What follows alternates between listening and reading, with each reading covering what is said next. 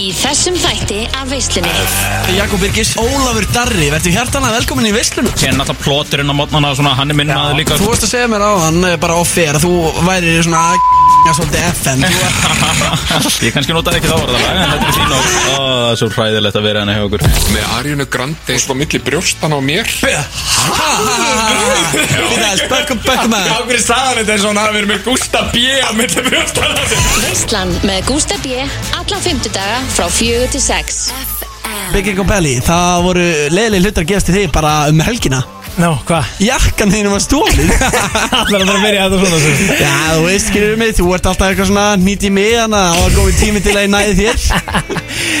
Jú, ég neytist, ég neytist vissilega til þess að hérna setja auðlýsa eftir jakka í stóri uh, í, í kærkvöldi eða í miðjanótt. Rétt áður en ég uh, labbaði inn í fluguluna aftur hérna frá Oslo og leiðin til Íslands. Þriðja fimmtudaginn í röð Það hérna Þú veist Þetta fyrir að vera hálsúrealist einhvern veginn að hérna, mér líður alltaf bara eins og sé í Day þegar ég er að lappa inn á Gardemóflugul í, í, í Noregi í Oslo fara í sama flugi, þetta er nákvæmlega sama flugi sem ég verði þetta er bara sama 50. flugi Norwegian, 6.55 ósofin, poppina melatonin þegar ég kem inn í flugvel reyna að rótast í svona, þú veist tvo tíma, þremur, svo kem ég heima alveg illa fucking búin að þessu Er þetta ekki bara eitthvað vitleisa? Ég meina, þú þykist eiga heim í Oslo og samt ertu hérna hverja einustu helgi og ert búin að vera það núna síðasta mánuðin Já, já, já, jú, jú Þetta er ekki, ekki annað en eitthvað fókin vitleisa. Ég meina, þú veist Ég var að flytja út, sko, þú veist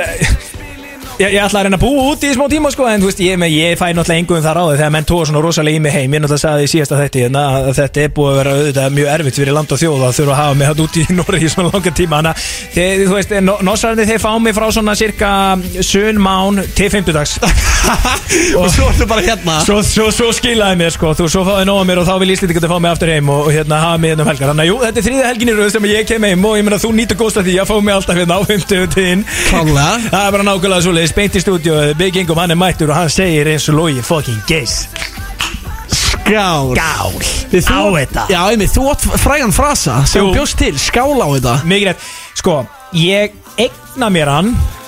Sko, málega það, ef ég á að fara alveg hon í rætundan á þessu frasa Ég vil eigna mér hann Já, já, þú fær hann. Já, takk, skil, ég er líka, ég er að reppa hann það mikið að veist, þegar fólk segir skála á þetta og veita hvaðan það kemur, ég elskar þetta að opna stundum að Instagram stories og sjá bara svona alls konar liðum eins og fólk svona sem er, þú veist, ekkert það náðu mér, við erum eitthvað svona, einhvers staðar okkur veitingstað, okkur bar, einhvers staðar og tekur glasi og skála þetta Ég er yfirleitt fljótur að reply á þau story og negli skála þetta og svona fimmubrónar merkið tilbaka, sko. Já, þú ert ánægð með þegar fólk er að nota frasan Já, ég elska það fólk nú undan fransan út af Því að ég svona kom með Ég kom með þetta til Íslands vil ég meina sko Eða Íslands, ég kom með þetta bara svona í almennu umræðu að það er raun og verið kongurinn uh, Ice Redneck, Gæi Ice Redneck Njárvíkingurinn mikli, snapparinn Sem að hérna, sem að eh, Sko, ég, ég minnir að ég hafi tekið það frá honum ára svona 2016 sko. Já, það er svona langt síðan. Já, Bara og- þegar snappið var in its peak. Hann var náttúrulega alltaf að opna sér einhverja bauka Hérna, herri, veist Skála á þetta sakar Ok, skála þetta, rotta er ok Þetta var eitthvað Já. svona luruglega sko Alveg ekki aðri, elskan sko. En eh, þannig að ég fór að pikka þetta einhvern veginn upp. Hann er alveg hættur að segja þetta Hann er náttúrulega líka alveg hættur að fá sér sko svona þannig. Þannig að hérna, ég þurfti bara að taka við uh, þessum frasa Og, og, og keiri það bara í gang. Þannig að þess ég segi skála á þetta hérna. Og já, by the way, svo kom maður aftur að því Ef einhver er með fucking jakka minn að núti Ángríns Ég nenni svo vesin ekki neitt sko. Þú veist, ég reyndi allt til þess að reyna að sleppa við að setja þetta fucking drast í story og vera ekki hörði hérna þessi voru átt á síðasta höstudagskvöld Þetta um jekkar minn. Ég var að reyna að fresta þess eins og ég gat Ég heyrði í mínum önum að það niður á át og var bara nenni plís að strípa staðinn á ég fer að auðlista svona eftir þessu Og þeir gerðu það og hann er ekki hann. Ég lagði hann frá mér á einhverju fucking flöskuborði Hann við hliðin á plótunum, okkar manni. Ég held að hann væri í örugum höndum í plótunum En veist, það eru þetta ekki dörut í þessu lífinum Og setja hann í fucking batahengi Ég átti að hafa vita á Já, hvað er að þér? Ekki láta plóter geima jakka en veist, hann var bara á veit. nýbúin að eyða miljón í kasínóinu. Þeir eru þetta að koma inn á það. En við vorum í helviti skemmtilegu dæmi um helgina. Sko Ég kom náttúrulega heimina til þess að fara live með þér að stríma í kasinu og náttúrulega 50 Já, og það gekk ekkert eðlilega vel. Er það- er Við komum út í plus. Við komum út í plus. Já, reyndar eftir að fá minn kött af þessu sem við grættum En já, við Já, græðum hann það er sér tölvöld betur gindu hjá mér, við skulum bara orða það þannig, sko, þú verður ekki gott að þessu. Nei, nei, þú kannt að ávaksta þetta betur. Já, ég kann miklu betur ávist að þetta og ég meina þegar maður fara að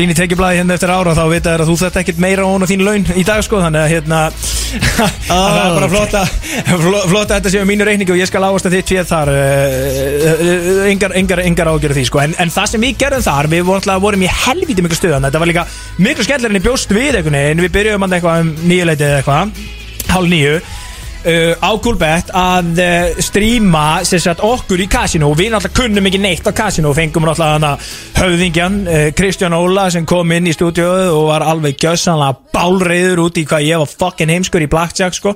Hraunaði um mig. Þá segi ég náttúrulega það var iconic moment í þessu strími ég segi Stjáni, þú ert svona rosalega góður. Þessu síndum við á hvernig ég gerir þetta í the Blackjack. Fengur tvær hendur að segja hitta þetta. Hitta Já, bæn, 21 og lappaði út grenjand og hlátur helviti skvíkjand að pakkaði mig saman. Já, þú veist, þetta er líka höfðingin, skilur Já, já, þetta er höfðingin, það er ekki ástæða að lausa okkur kallaður höfðingin og, og hérna, og reynda að tala um það. Ég, hérna Það er náttúrulega póker hérna mót, um, mótor og höfðingjans alltaf á sundum, ég er að fara að stríma með uh, höfðingjanum á, á sundagin kljóðan 8, Kulbett Kannski bara verið að vera með honum hliðin á honum að betta? Já, hann er alltaf sérst, í, í hérna pókermótinu. Þá er hann alltaf að stríma og fær alltaf eitthvað gest með sig, hann með uh, Thomas Steindors og Actionu síðast. Næst Pelli. Big Ah. Ingo verður mættu með Stjána. Verður mættu með fróvaranum kljóðan 8 sunnudagskvöld í pókermóti sko. Það er verður alvöru. rosa- Það er hlass- Hlakka til að fá lestunum frá Stjána sko. Það er ekkit betur en að fá lestunum frá hann sko. En við vorum öflugir, pældi, við byrjuðum með 666 Tjöfla töluna Já, endum í 1200 og við fórum alveg niður í ég mann að þú varst náttúrulega að leika með mína peninga þannig að sko, ég, ég var ekki langt frá að gefa reynan hefa samlöku við vorum konið niður í 200 eurur sko já, við fórum djúpt niður, sko En hver, hver endur við? Við kössum út í 1200 það er nefnilega nákvæmlega svoleiðis og svona til þess að setja í því samingi brennslustrákundi tóku hérna við okkur þess að Egil Plóter og, og, hérna, og Arnar í Undralandi. Já, uh, Ólasinn í Undralandi, kongurinn uh, hann, sem sagt, þeir tveir, þeir byrjuðu sko í 1000 fóru upp í fókin sko 3500 eða eitthvað það var nýri 700, aftur upp í 2000 aftur upp í 3500, þeir endur í nulli nákvæmlega Það er nefnilega alltaf lægi, þú veist það er alltaf lægi að fljúa hátt En þú veist, þá verður að vera tilbúin að bombast niður einhvern veginn. Það er smá skellur að vera að koma inn, þú veist, frá þúsund upp í upp í hálfa miljón og það nýri núl sko. Já, já, Þú já veist, þetta á hálf miljónir á reyningu, þeir geta bara hætt þá Býtu, ha, kominur Já, fokk, Já, svo- 3600 eurur er alveg hálf miljón Akkurat. Þeir voru komnir helvita yfir. halva kúlun á reyninginu og þetta í núli. Það var rosalegt að fylgjast með þið sko. Ég líka hætti bara þegar ég var búinn í strími sko. Ég hætti ekki að horfa, ég horfði bara það, Nei, einmitt, og ég þurfti þannig að fara og ég hitti bara plótir daginn eftir Já. og ég sagði bara, býtu, hvernig enda þetta? Þú varst í 3600 eurum þegar ég fór.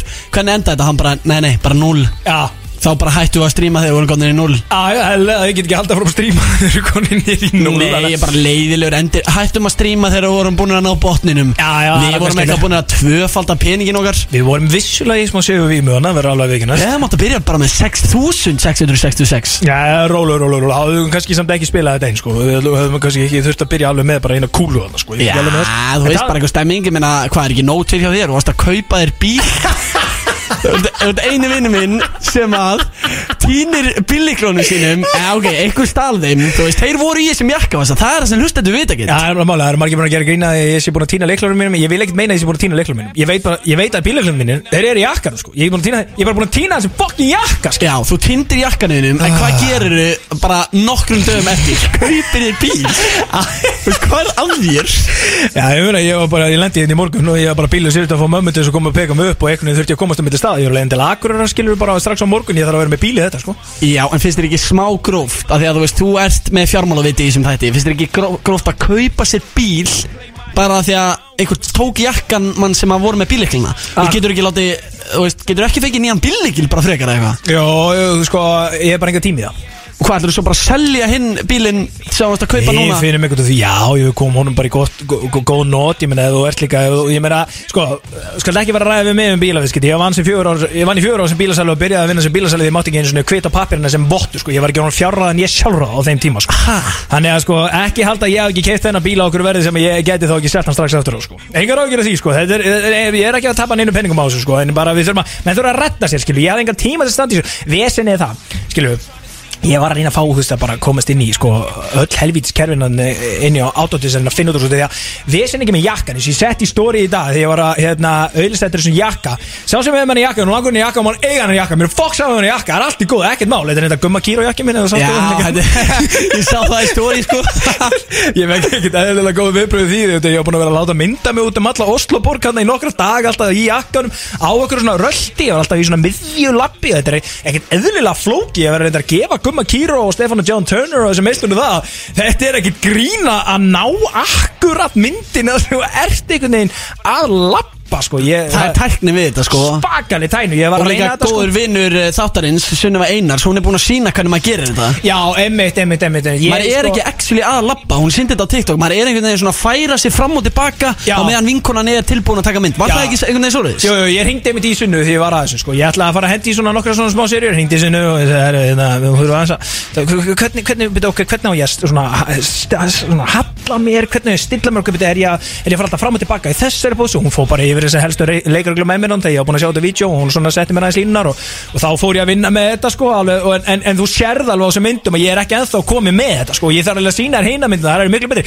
Og pældi, ég er með þess að bjóða þeim sem er með jakka minn að eiga allar gumma kýrumynda mín Það eru sko, þetta er alvöru mynda veistla sko Kominur, hvað heldur einhver jakka þjóður vilja eiga myndir að þér þykjast þér að gummi kýru? Já, já, alveg potti, sko, pældi að hann fari að eiga jakkan og myndirna mér á gumma kýru bara að hann leti með liklana sem er í vasan á hann þannig að þessi meistari sem fokkin út af hann er ekki átó að það er eitthvað sem tók helst jakkan hann er eitthvað með hann akkur, að, að, hann gufaði ekki upp, sko. Þú veist, það er auðvitað bara einhver að hlusta á veisluna núna í þessum jakka. Þá óskæði bara þessu meistara. Innilega til hamingi með nýja jakkan sem ég gaf hann á síðastlið föstudagskvöld en ég myndi vinsalegast vilja bara fá bílliklarna mína aftur skilju út af því að þetta er að fara að kosta mig 100 skall að græja nýja fokkin likla og því ég meina Já, bíllinn minn er bara það er fastur. heldis vesen. Ég meina bílinn minn er fastur skilju Ég þarf að láta draga hann og fara með hann í umbúðu og láta það smíða nýjan líkil og tengja og eitthvað svona djúsvesen Þannig að þetta er ekki bara peningur Þetta er líka vesen. Og ég hafði ekki tíma til að standa í þessu vesen ég eftir bíl strax. Þannig að þú veist ég er náttúrulega bara neittist til þess að rúla hann bara nýra á bílasölu ég lendi og, og hérna hún er á bílasölu splæsti mér í bíl og, og hérna fór sér til mömmu létt hann að hérna strípa á mér hári ég þarf að vera ljósar og sætur fyrir uh, sviðið á uh, í hofi núna næstkomandi lögutaskvöld uh, með Symfóníuljósut Íslands og Jóbi og Gróla. Svona uppselt hof, hældi því. Alvöru stemming. Nei, veist, það er reyndar, ég heldur reyndar að sé ekki fyrir þá sem er að hlusta, ekki, sko, ég, ég held að sé ykkur ör, ör, ör fáið miðar eftir. Ég veit að verður uppselt, það er bara spurning hvena, sko, þannig að ef þið ætla að fara ekki koma með að drullist þess að gera bara núna, ég er að gera ykkur greiða með að segja ykkur þetta. En ég þurfti að vera, þú veist, ljósarur og sætur og sviði, skiljum Þannig að, hérna, eh, ég skellti mig síðan til mömmu í strýpur Byrja, ha, er þetta þú í strípum? Já, eða sko, ég er bara með svo lítið. Já. Já, eða sko, af því að núna er ég líka með gel í því. Já. Og þegar ég er með gel í því þá verður það smá blöytt og þá verður það ekki alveg sljós Þannig að ef ég til Nei, ég held að það væri bara gel. En Já. þetta eru strípur Já, þetta eru Tjóðlega þetta sætur. Já, ég segi ekki. Jú. Takk. Hugulur Ég er náttúrulega huglega með ljóstar Sérstaklega ég er líka smá brút sko. Ég var eiginlega að fara að græða Ég henda mig kannski í einn uh, tími í be- bekknum sko. Það var, var alveg helviti gott sko. En herru, ég fór Mamma er nefnilega Hún er að kenna í fjölbætaskóla Sunnis Já. Já. Með hámtæð Ég var náttúrulega þar í þrjú ár Og var náttúrulega, þú veist Vilja nefndi hölan og allir í úr Og ég er bara að lappa hann inn Og gera ekkert annað en heilsa liðinu Bara sællinu, sællinu, sællinu Já, já, einhvern veginn kongurinn í kef allt mitt fólkskilu, elska þetta fólkskilu og ég var alveg bara festist þarna í spelli sko, ég er ekki að hitta þetta fólk svo lengi. Herru, það er svo gott að koma. Nýbúin, komin að bíla sem ég vann að búin að fá mig kaffi þar, har aðeins búið að fara yfir máli með mér og erum bara strýpur röldum gangana, þetta er náttúrulega einhver árgangur ég veit ekki hvaða árgangur eru, eru núna náttúrulega í, í Mentaskóla, bara Já, eitthvað 06 og 07 sko, eitthvað svoleiðist út En ba, ma, þú veist, þetta lýsi, sko, maður sást að ég seti klósvenns á hann, þannig að mér leiði vel í svona kepp og þú sást að sólinn var á, á lofti, sko. Já, það var alvöru veður. Og við erum inn á Suðlandsbreytinni náttúrulega í FM höfustöðunum og það er ekki svona gott veður hér eins og í Sunny Kef. Já, sko, ég verður endur að gefa reynir Reykjavík það að það er sól á þróttaramerkjunu eins og staðan er akkur núna og það er bara fínast að þannig sé viðurinn að með við séum í Reykjavík það var ekki eitt skí á himni í Sunny Kef. Og ég er bara í geggjum gýr, rúlla, með sjóa fram í rauðan döðan, by the way, ekkert fucking eðlilega góð plata Guðmund Almatur og þú veist á rúlöpi í FS að fara til mömmu hún var að gera með eitthvað síni kennslu fyrir nefndunum sína með eitthvað strípa kennaði með að gera strípur og svona dót. Það er ekki að rölda bara svona inn í kennslustofuna? Er eitthvað í símanum? Við við Jóa vorum að pælið þannig eitthvað um helgina og svona. Heyri ekki auðvitað mig það er svo gott að koma í í kemsku mitt fólk bara Hey Biggie, hey Big Er Hver alveg góma sko, alveg fan love hann á göngunum í fjölbætaskóla Suðunis og ég er náttúrulega bara að tollera hann á sekundunum sko. Nei, hvað er þetta að segja? Þú veist, þið tólera Er ekki bara eitthvað vitt Nei, ok, það er ekki En Nei, En það átti ekki vel á. Já, ég fekk, mótökur Þannig í fjölbætaskóla sunni sem að þótti væntu það Sko, þú líka um sko. Ef við talað um Keflavík ég, myndi vilja að einhver eh, fan af Vislunni myndi ángriðst taka saman hversu oft þú hefur nefnt Sunny Kef í þessum þætti að, að þú veist, þú átt skilið að vera tolleraður í hvert skipti sem mætir inn í skóluna hann, skilur Já, sko, ég meina ég, Það hafa einhverju spurning hvort ég sé á sölulaunum hjá Reykjanesbæ bara við að pe- peppa bæinn, rappa bæinn og fá fólk til þess að flytja ángu, sko. Eða, þú veist, það, það, þú ættir að vera það, sko. Það er alveg fjárfyrsting í mér, ég meina ég get sett í það að útsastekju bæjarins, það, sko, útsastekjur sveitafélag, eh, hverki meiri heldur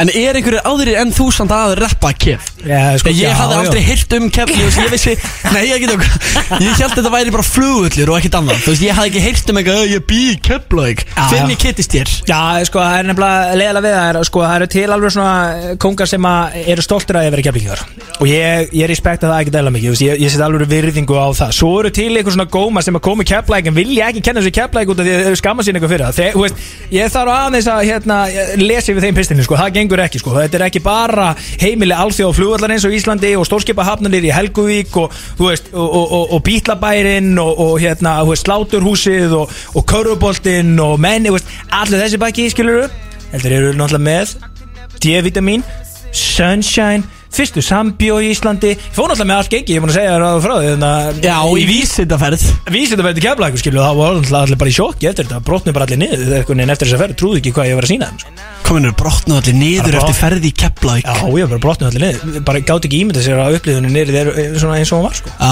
ok, ég vil nú meina þetta séu samt ígjur En uh, svo við tölum nú aðeins um uh, það sem er í þættinum í dag. Það er pakkað þáttur, við erum að fara að fá uh, Grínistan og legendi Jakob Birgis Hingað inn í stúdíói eftir Jú. Nákvæmlega. Hann er ógeðsla fyndin, ég er búinn að fara á uh, nýja uppistandi með honum. Ertu búinn að fara? Já, ég er búinn að fara. Ok, Ég, hérna, já, já, ég fór, það var ekkert eðla gaman. En, en, sko- Patti, Bassi og uh, Benny Glee Þeir voru hana ekkert eðlilega mikið að hlæja að þessu. Sko ég er nefnilega út af því að ég er inn alltaf bara nokkru dagi senn helmingin af vikunni, uh, setni helmingin hérna heima fyrir, fyrir helmingin Oslo þá hef ég einhvern veginn ekki náðu búið með til tíma til þess að mæta en djúvel er ég á fokkin leiðinni út af því að ég fór á hann að fyrsta uppistandið hans.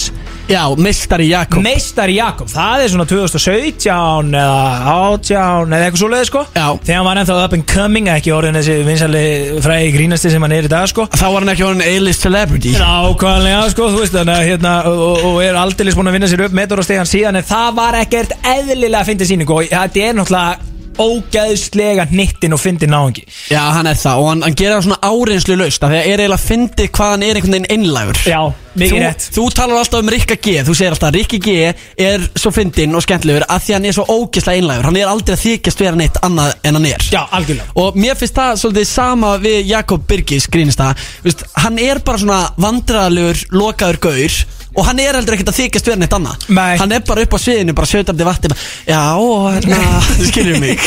Já, ég, ég væri, sko, ég þarf í alvörunni tala að finna hérna einhvern veginn úti á meðan ég er á Íslandi hvernig ég ætla að koma mér á þessu síningu, ég verða að fara út af því að líka hann er með svolítið svona puttan og púlsinn. Það er svo gaman hvernig hann sér þú veist, fólk og aðstæður og stemmingunni þjóðflæðinu og hann er úslega klár skiluru, mamma sem sigur Ingibjörg Ingadóttir hérna fyrir hann til þingmaði samfélkingarinnar og þú veist, og, og svona kemur að heimili hvort þetta sé ekki eitthvað, hvort að pappan sé ekki eitthvað fræðimæri, mann rétt eitthvað svona, þú veist, hann kemur á svona mentu fólki og hann er mjög vel inn í öllum málum og fylgist rosa vel með og svona, hann- er með svona, en tekur kannski ekki eitthvað mjög sterka afstöðu í kannski eitthvað einu eða einu en þannig sko, en, en svona, svolítið, þú veist, hann er- óslega fyndi, að hann er, skilur, alveg gætna og einmitt að gera grín að einhverju svona fólki eins og mér og okkur, skilur, sem er, að, þú veist, uh, uh, algjör veisla, skilur. Já, já, það var eitthvað að vera að skjóta á FM tappaðana En Shit, ég væri svo mikið til að heyra það. En uh, hann er að koma til okkur eftir og svo er auðvitað aðalgesturinn. Hann er uh, að fara að mæta á eftir Jacob. Það er hann Ólafur Darri. Það er náttúrulega hjúts Við erum, við erum basically, við erum alltaf bara með einhverja Hollywood leikara hérna. Já, þú veist, Gusti B. Hvar, þú veist, hvert er þú komin? Ég, Hvað er að ég, gerast ég er bara að heyri í Hollywood stjörnum Já, sko. þú veist, þú er búin að vera þannig bara nokkra mánu og það er bara Hollywood stjarn eftir Hollywood stjarn sem mætir inn í stúdíunum og sölumarstíði Já, Þetta er galið. Hvað sagður, Söður Ég help þessu kettunum kjærblæk aðeins þannig frá mig sér sko. Það er alveg að reyna sko. En það er komið að fyrsta Nei. lægi þáttarins áður en að Jakob Birgis mætir og ég ætlaði að fá að leifa þér að Já, eiga ok. heiðurinn að því, minn kæri. Ég er alltaf svo fljótur. að Ég treysti þér ekki neitt bara, Ég, held, ég, ég sá þig horfa á tölvuskjáin Ég held þú allar að sitja okkur bara, Já, nei, nei, af nei. því að ég get ekki valið góð lög Ég sett á ruggla gær Þannig að það var útastmaður á Rás 2 sem heitir Dotti Litli, Veistu hvað legend í hann- leiknum Veistu veistu hvað hann er? Hvað er hann er? Dóttir litli Hvað er hann? Hvað hann er hann? Sunny fucking Care Býtur reyndar, hann er hún Jarvik, ég verði að gefa hann það. Hann er, okay, hann er hann á Reykjanes. Já, og Dóttir litli, hann er, hann er Reykjanesbæ, hann er hún Jarvik Sá Já. kongur á rástöðum, mikið rétt. Og, og náttúrulega Lóturú, 1, 2, selfo Já, þetta er alvöru stemmingsmaður Og hann hendi í stóri í gær bara Sá það. FM er þetta í gangi klukka þrjú, hvað er að gera? Og hann tók hattinn af sér. Já, hann tók ofan Tryggist herraf, já, það er þetta rosalegt að vera með dottalitlegustar á rúndinum að hlusta á FNV7 og Gustaf B og fá þetta bara beint í fjessu og, og sko setja það í stóri það er, þetta er alveg rosa þig Gusti, þú mátt alveg taka þetta til því að þessi maður hann er búin að vera lengur í leiknum en þú búin að vera fættur sko. Já, en veistu hvað lag þetta var sem ég hendi í það? Já, 99 Problems, en við gerðum það síðast. Já, já, já. Og þú veist, og þetta er svona, skilur þú veist jú, jú, ok, fólk kannski ekki alveg búist við að, hérna, FNV7 sé að negla eitthvað inn í 99 Problems en, en það er samt geðveikt típist að setjum á okkur gott með Jay-Z á 99 Problems. Þetta geggja lag, skilur en veist, þetta er samt svona alveg Byrjar að sjæti mig, þú gast ekki bara að gefa mér þetta. Heyrðu, hvað er fyrsta óskalæðið? Jakob Birgis, hann er að detta hérna í hús. Ég ætla að gefa þér uh, valmögulega á tvennu. Ok. Eha, þá er einhver að hlusta bara oh, eins gott að Gústi velji þetta. Gera. Nei, nei, nei, gera það, það er bara Ok. myndið hvort maður bjóða þér? Okay. Kanye skástrík Jay-Z út af þú svo haru Jay-Z maður. Já, ég er harðast í Jason Malansis Þetta er harðast í Ok, hvað heitir fyrsta platan hans? Það veit ég einmitt. Æja, allt er- kemur, allt er góð Hérna, uh, sko uh, Ef að hérna út af því að sko Það er sunshine, það er sól á þróttaramerkinu og það er svona, það eru nokkuð lög sem að svona láta mig, þú veist, mér líður some type of way í svona veðri. Ok, skilur, eins og því ég var að kera að og það, hvernig mér líður er til ef við færum í Kanye Jay-Z þá, þú veist Father Stretch My Hands er gett mikið sunshine lag eða highlights eða, þú veist, ef við færum í Migos þá erum við að tala um kannski störfræ, skilur það er gett mikið sól í því og maður svona, úúú, fattar við, þú veist uh, skilja hvert ég er að fara með Já, þetta. ég er 100% að skilja Svo erum við náttúrulega með líka, skilju, þú vilt fá hérna norska prinsin, ég meina það var reynda norsku prinsin það bara ekkert fyrir svo lungu síðan á Arctic Circle inn út í hörpu og lappaði hann upp á góðstöðunum með Guðna T. og Jónas sinni, hinn norski prinsinn eh, hérna Big Income hérna, hann, hann náttúrulega var að sína náttúrulega um daginn þetta sína um daginn þetta Dans på bordet skilju sem er algjör stemmislega líka meina, þú Já, ég dans på gefa þér- borðið var ekkert eðlilega gott. Það er þetta ógæslega fóðum gott lag sko, Það þú varst mikla lukku á meðal hlust nú Og vissir að það er eitt lag núna trending á íslenska TikTok sem er líka eftir norskan artista? Við erum ekki að vera að setja á reynda sko Hvað er það? A prima donna girl. Er það norsk? Prima donna fucked up in Já, það er hérna Beethoven. Mástu, það er hínu guðurinn með grímuna. Já, þetta er meira og minna allt fólk með grímur að núti í Já, í Nóri, mástu, þú veist, þetta er alltaf einhver, einhver grímu klættir hérna náungar sem að fá síðan einhverja svona TikTok-stjórnur á sín. Til dæmis eins og Dans på borðið, ég komst aðeins langs hver þessi David Mokel er. Já, Það var bara einhver búingur á TikTok sem voru frægur þar og þeir bara dróðin inn í stúdíu og þau sömdu vörsfjörn og sögðu hvernig að syngja og hann er alltaf inn komin á þetta lag með um og gera allt vittlust Já, það er ótrúlegt hvernig svona ólíkir bransar eru alltaf innum fannir að krækja einhverju TikTok stjörnu til að reyna að stækka brandi sitt. Já, er það að reyna að Þetta segja hefur ekkert eitthvað sést heima. Gusti B Gusti B Jæja, er þið ekki Þú veist þetta ekki verse Nei, ha, ég var ekkert að tala um það, ég var bara að tala um alls konar fyrirtæki Ég skilur mig að reyna að krækja í eitthvað svona annan mark Tekjublaði 2023 Herðu, uh, getum við fengið óskalaga? Já, ég ég er að leifa þér að velja út af því að ég er með svo mörg sem lög sem ég myndi Ok, vilja heyra í þú þú, ert, þú ert að peppa stir fry, hvað er, hvað ert annað að peppa? Ég er að peppa Stir Fry, ég er að peppa Father Stress My Hands Ég mæ- meiri að ég mér gæti líka Simon að Kanye og Jay-Z ef við förum í What's the Throne skiluru Þar Það er uppáhaldsplata mín, sko. Þú veist, já, þú veist ekki eins og hvað þetta er sko. Ég veit alveg hvað What's the Throne er. Aha, Hvernig komur út? Herðu, Hvað er einstakasta lagi hann? Við ætlum að byrja með uh, Hvað ætlar að fara í á þessu? Við ætlum að byrja á Migos Stir Við Fry getum farið í Champion sem er ekkert eðalega gott lag Kanye og Gucci Quavo. Quavo félags. Quavo og félagar skilur, þú veist. Nei, valið sko. ég held að við séum búin að ákveða þetta. Fyrsta lag veistlunar Og í dag Er að fara að vera Migos Stir Fry. Þetta er lag sem að kemur mann í fucking allavega. Páli Orra. Og þetta er lagið. Svo við að hey. heyrast enn eftir örskamma stund með Jakobi Birgis. Let's go! Palli, þú varst aðeins að grenja á hann út af því að það er búið að stela bíliklinniðinum að gera það. Það er náttúrulega ekki næs, skilur við Það er ekki næst þegar einhver kemur og tekur bílíkilin og þetta gerist inn á átó líka af öllum stöðum. Já, já, þú veist, ég bara skil ekki eh, sko, það er náttúrulega bíleiklandi voru í jakkanum sko. ég bara næ ekki hver er svona ólmur í hennan jakka. Þetta var ekki sérstaklega merkilegu jakki sko. Já, með það stann hugulur Já, já, náttúrulega hugulegu, sko, þú veist, einu minna, þetta var ekkert eitthvað Prata, Gucci eða Louis eða eins og Gummi Kíróinu minn, ég er ekki alveg á sama stað og hann, hann er í, í þessum fjárfestingum sínum, sko, en, en þannig að, þú veist, það er enginn að fara að geta selt hann fyrir eitthvað morð fjár, sko, en, en bara svo lengi, þú veist, sem ég segi, veist, með hann í jakka, mót halda hann með því fyrst hann flottur og aðeinslur, kottu bara með fucking leiklana. En ætla þú að bjóða fundalun eða skilur við mig? Já, jakkan og alla Gumma Kíró myndina mínar. Ég meina hvað, myndir af þér sem gummi kýru Hvað þú veist, það hefur engin áhuga á því, er það? Engi, ég bara, veistu, veistu hvað ég fekk mörg reply á þetta stóri á hann fólk að yfirbjóða hvort annað í þessa myndir eða? Ok, en þú verður að vera með samt eitthvað svona call to action, skilur Þú verður að vera með, þú veist, hvað á þjófurinn núna sem er í jakkanum að hlusta á vissluna að gera Sko, no hard feelings, sendi mér bara DM á Instagram, segi, hei Gemli Fann jakkan, já, já, segðu fann það bara, jakkan við, skulum, við þurfum ekkert að feysa Við þurfum ekkert að feysa þetta.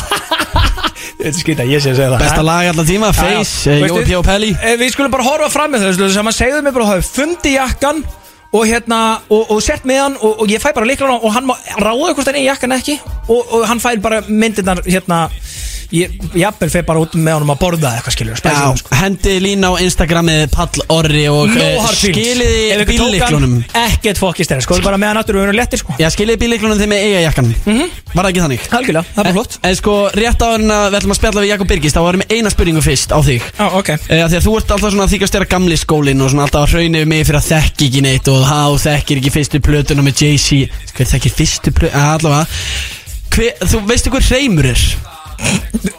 Já, ég, já Og hann er meistari Eh, Já, já, já Hann er já. alveg legend Já, já Það er nefnilega ymmit það sem ég vildi heyra Því að hann er að fara að koma fram á American Bar í kvöld Og það verður alvöru stemming Og veistu hvað? Ég vissi ekkert hvort þú varst að fara með þetta Hvað séru? Það er meira Það er tveir fyrir einn af öllum tango-drikkjum Í allan dag á American Bar Manstu hvað er minn uppáhalds tangodrykkur?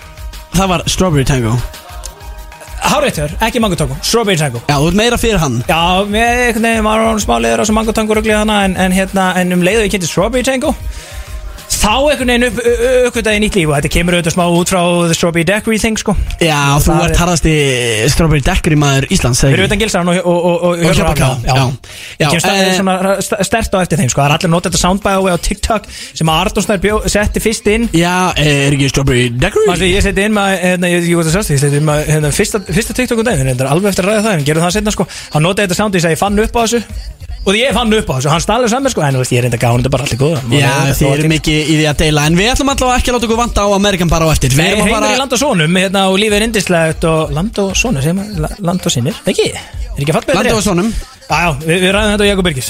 Já, við ræðum þetta á Jakob Byggis Hann veit eh, tölvöld meira en við um þetta. Við ætlum að sjálfsögða að skella okkur á Amerika Bar í 2 fyrir 1 af tango drikkjum á eftir En hann er mættur tango. í uh, stúdjóið Það er hann Jakob Birgis grínisti og já, svona heimsbyggingur Já, veist, þú, þú lúkkar þannig Ég Jakob. Veit ekki hvers konar innkoma þetta var. Það var bara Heyrðu, hérna, Við erum að fá Jakob, við skulum tala um jakkan minn, Gumma Kíró, Amerikan Bar og Mango Tango. Það er, það dekkar þennan mann. Þú séð, svona sen bara já og ágætis þá yfir í Jakob bara, hvað er, hvers konar brú var þetta? Þetta er bara eitthvað að skrítnast sem ég hef lent í Þetta er svona mjög fræðandi hjá okkur veginn. að, hérna, sendu mér að þú fannst þetta, þetta er algjört svona, þetta verður að einhverju svona bara eins og sér dópsali ég fann jakkan, ó, hittu mig og gefðu mér bílliklana þetta er eitthvað alveg er- bíl, já, hvað getur verið svona merkilegt í þessum jakka? Þetta er góða punktur. Já, þetta er alveg til að fara á eftir á American Bar Er og uh, mökka mig. Ég, ég eiginlega mikið að mökka þig? Nei, ég er ekki mikið að því en ég væri til í nú- núna eftir þetta allt saman. Að verið hérna inni með ykkur þá þarf ég bara að lá- láta róta mig ég. Það er sko ég get alveg sagt ykkur það bara auðmíkjandi sögu. Ég held ég að við einu sinni farað á American Bar og það er bara uh, eitt af versta sem ég hef gert ég var að skemmta þar. Já, ok. Ég var með uppistand og Amerikan bar á einhverju koktelakvöldi og þetta er einhver skrítnasti viðburður sem ég farið á, þetta er svona þrjú ár síðan Hvað sem við þetta?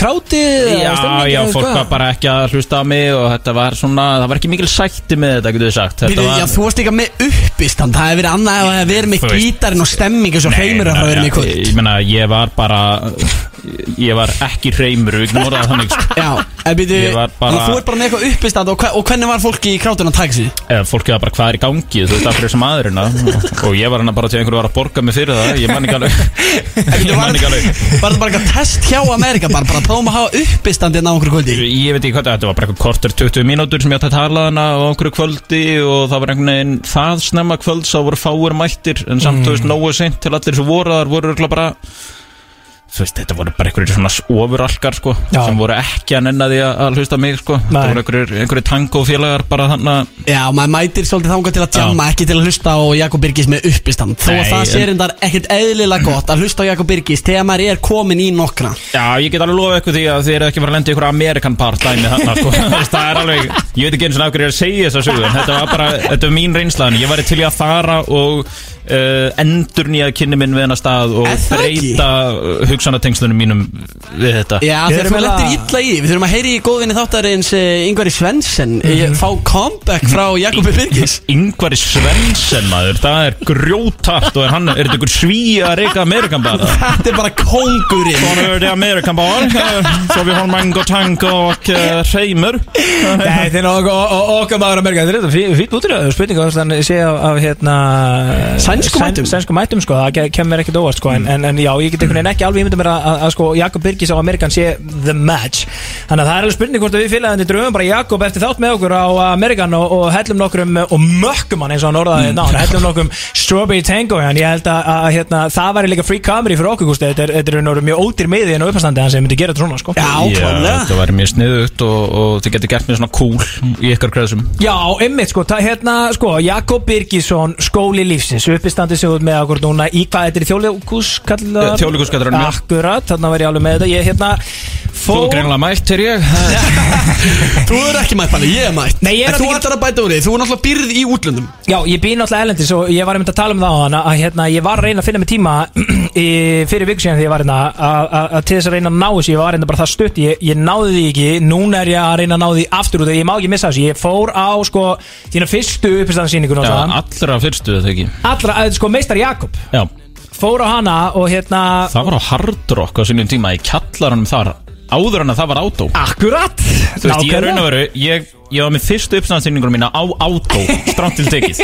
Og það er enda alveg legendary Það er bara að koma fram á Amerikan bar Það, Og í raun og veru átó já, það er eiginlega rosalegt sko. Já, það Ég er það. skemmtist að það er hérna Þið gengið misvel eða ekki? Svo, Ákveða skemmst það þú ert náttúrulega sko. Jú, jú, það er En sko meistar Jakob, ég man, ég man mjög vel eftir því. Ég, ég fór á það, ég, sko, ég hef nú haldið mikið upp að það í alveg svolítið tíma Og ert náttúrulega alveg ógst að fyndin uh, náki Og ert þetta bara mjög fyndin náki og, og svona, og ég man eiginlega Sko, ég er ekki frá því að svona Mín fyrstir kína þér er í gegnum sæmilega vinn okkar uh, Ott Þórðarsson Já, King Ott Þórða King Ott Þórða á, uh, upp í, í efstaleiti Sá Þú veist, mikli meistari Við erum það gamlir og feitir sko, og skrýtnir Við erum að fara í badminton saman í kvöld sko. Þú veist. Við erum í badminton hóp sko. Ert ekki grín? Nei, þú veist, þetta er náttúrulega alveg sorglegt sko. Það er það Þú veist, það er bara Þú veist, Há, 15. kvöldi, Lille Fredag já, það er pínu svona Þessi gæjar er að sofa saman sko. Það er algjör þannig, bara við erum mjög góði vinnir Og við sofum saman á og til Nei, Og- þú veist, koma, þeir eru bara, er ekki, þú veist, er ekki 98 mótil? Hvað grín er í gangi hérna? Komnir badminton hóp á 15. kvöldum er- Þeir eru heldur en ég sko líka þannig að ég sé á leiðin í badminton í kvöld Ég er á leiðin í Strawberry Tango Ég á veit að American strakkar, þetta er það sem við vorum að tala um Þess vegna þurfum við, þið þurfum við að, þú veist Ég get gefið ykkur eitthvað skemmtilegt uh, Ekki jakka eða eitthvað þannig samt Og uh, þið, þið gerir mig nettan. Ég held að við þurfum eitthvað svona deal. Já, en sko málega það að, hérna, sko, nú ert þú þá, sko, eitthvað, já, en, en dýllin má samt verður þá líka að vera smá þannig að, út af því að, sko, þú ert samt mjög nefnilega nettur í þínum hóp Veist, ef Já. að við myndum gera því netta Sko, ég held að sé auðveldra fyrir okkur að gera því nettan hjá okkur Heldur en þig að gera okkur netta hjá þér. Já, ég, ég veit það ekki. Þetta eru, þetta eru svona tveir Mísmunandi menningar heimar sem að skarast þarna á. Við getum orðað þannig. Svo sannarlega og ég meina mér skilst á hérna gárungunum þarna sem að hafa farið á þetta uppistand sem ég get alveg lofa eitthvað því ég fórum mistari að ég ætla á skóla í, hérna á uppstandi skólalýsins Já, þá er Já, ég Jakob get svona að reyndar- skjóta á alls konar get, Já, ég get reynda að lofa eitthvað því að það er ekki eitthvað svona gáfumanna uppistand þar sem að uh, allir eru hérna bara, grína einhvern vitleysingum sko. Þetta er svona, ég hugsa að þetta uppist að tali frekar vilin í ykkar hóp sko. Ok, en ég meina þú Ég myndi segja það. En, en sko, en svo náttúrulega, já, þú gerir smá grína FM töppum eða ekki? Sem Já, að við náttúrulega erum Já, já, ég hef oft gert það sko En er líka svolítið í hinna áttina, myndi ég segja. Ok, ok, Já, þú gerir alveg líka grína þessu fólki sem tekur svo of alvarlega og svona. Já Við erum alveg, við erum alveg að fara uh, þú, Þetta eru alveg nýjar slóðir í svipistandi Við getum sagt það sko. Já, er það máli? Já, ég myndi segja það Þetta væri svolítið svona blandað Og aðeins öðru sem ég hef verið að gera áður Hvað ertu sko, hérna Hvað ertu búin að vera að vinna þessu lengi? Þessari sýningu Já, já, góða punktur, hvað tekur langan tíma að búa til svona uppistand Og síningu? það er rosalega erfitt að svara því Vegna þess að maður er náttúrulega COVID bannorðið Nei, hérna Það er eitthvað verið en þegar fólk vill ekki segja hvað Það er nefnilega kom svolítið upp á hérna. Bara, já, ég veit Það er að tala um COVID heimsvaraldurinn Akkur segir það ekki? Uh, Allavega, það kom svolítið upp á. Þannig að maður var svona að semja í kringu það. Samt er náttúrulega fyllt efni þar sem að maður er síðan ekkert að nota lengur Bara út af því að það er eitthvað COVID-efni og Já. síðan var ég að túra eins landi þarna fyrra sumar sko. Og þá verður ýmislegt til en uh, það er allt bara svona vísir að því sem að var núna. Síðan er þetta bara uppsapnað eitthvað. Ég get ekki útskipt hvernig ég sem efni þetta er bara henni höfðun á mér og ég skrif eitthvað niður í notes eða eitthvað. Síðan eitt aðeins sest ég niður og allt í henni bara komin sýning og ég var með tvær tilraunasýningar og þá ser maður oft svolítið hvað er að virka og Já, síðan bara fyrir vinnum En- vandamenn. Já, já, en þetta eru þetta alltaf einhverju mánuðir svona í grunninn, sko. Ok, ok, og svo tekur þú tvæði til sýningar Býður uh, vinnum vandamennum Og þar sérðu hvað virkar og hvað ekki. Já, nokkuð veginn, ég var nú bara með það í opinni sölu, sko en, Nú, ok, ok. Já, já, en það, það eru litlar sýningar. Já. Síðan er þetta bara keira þetta áfram bara í þjóðleikúskjaldurunum, sko. En ok, sko, þú ert ekki bara að gera grína svona FM töpum eins og okkur Hanging fruit. Já, sannlega, ég meina það er mjög þægilegt og skemmtilegt að gera grína okkur, mjög auðvelt að hlæja okkur, skilur Já, já.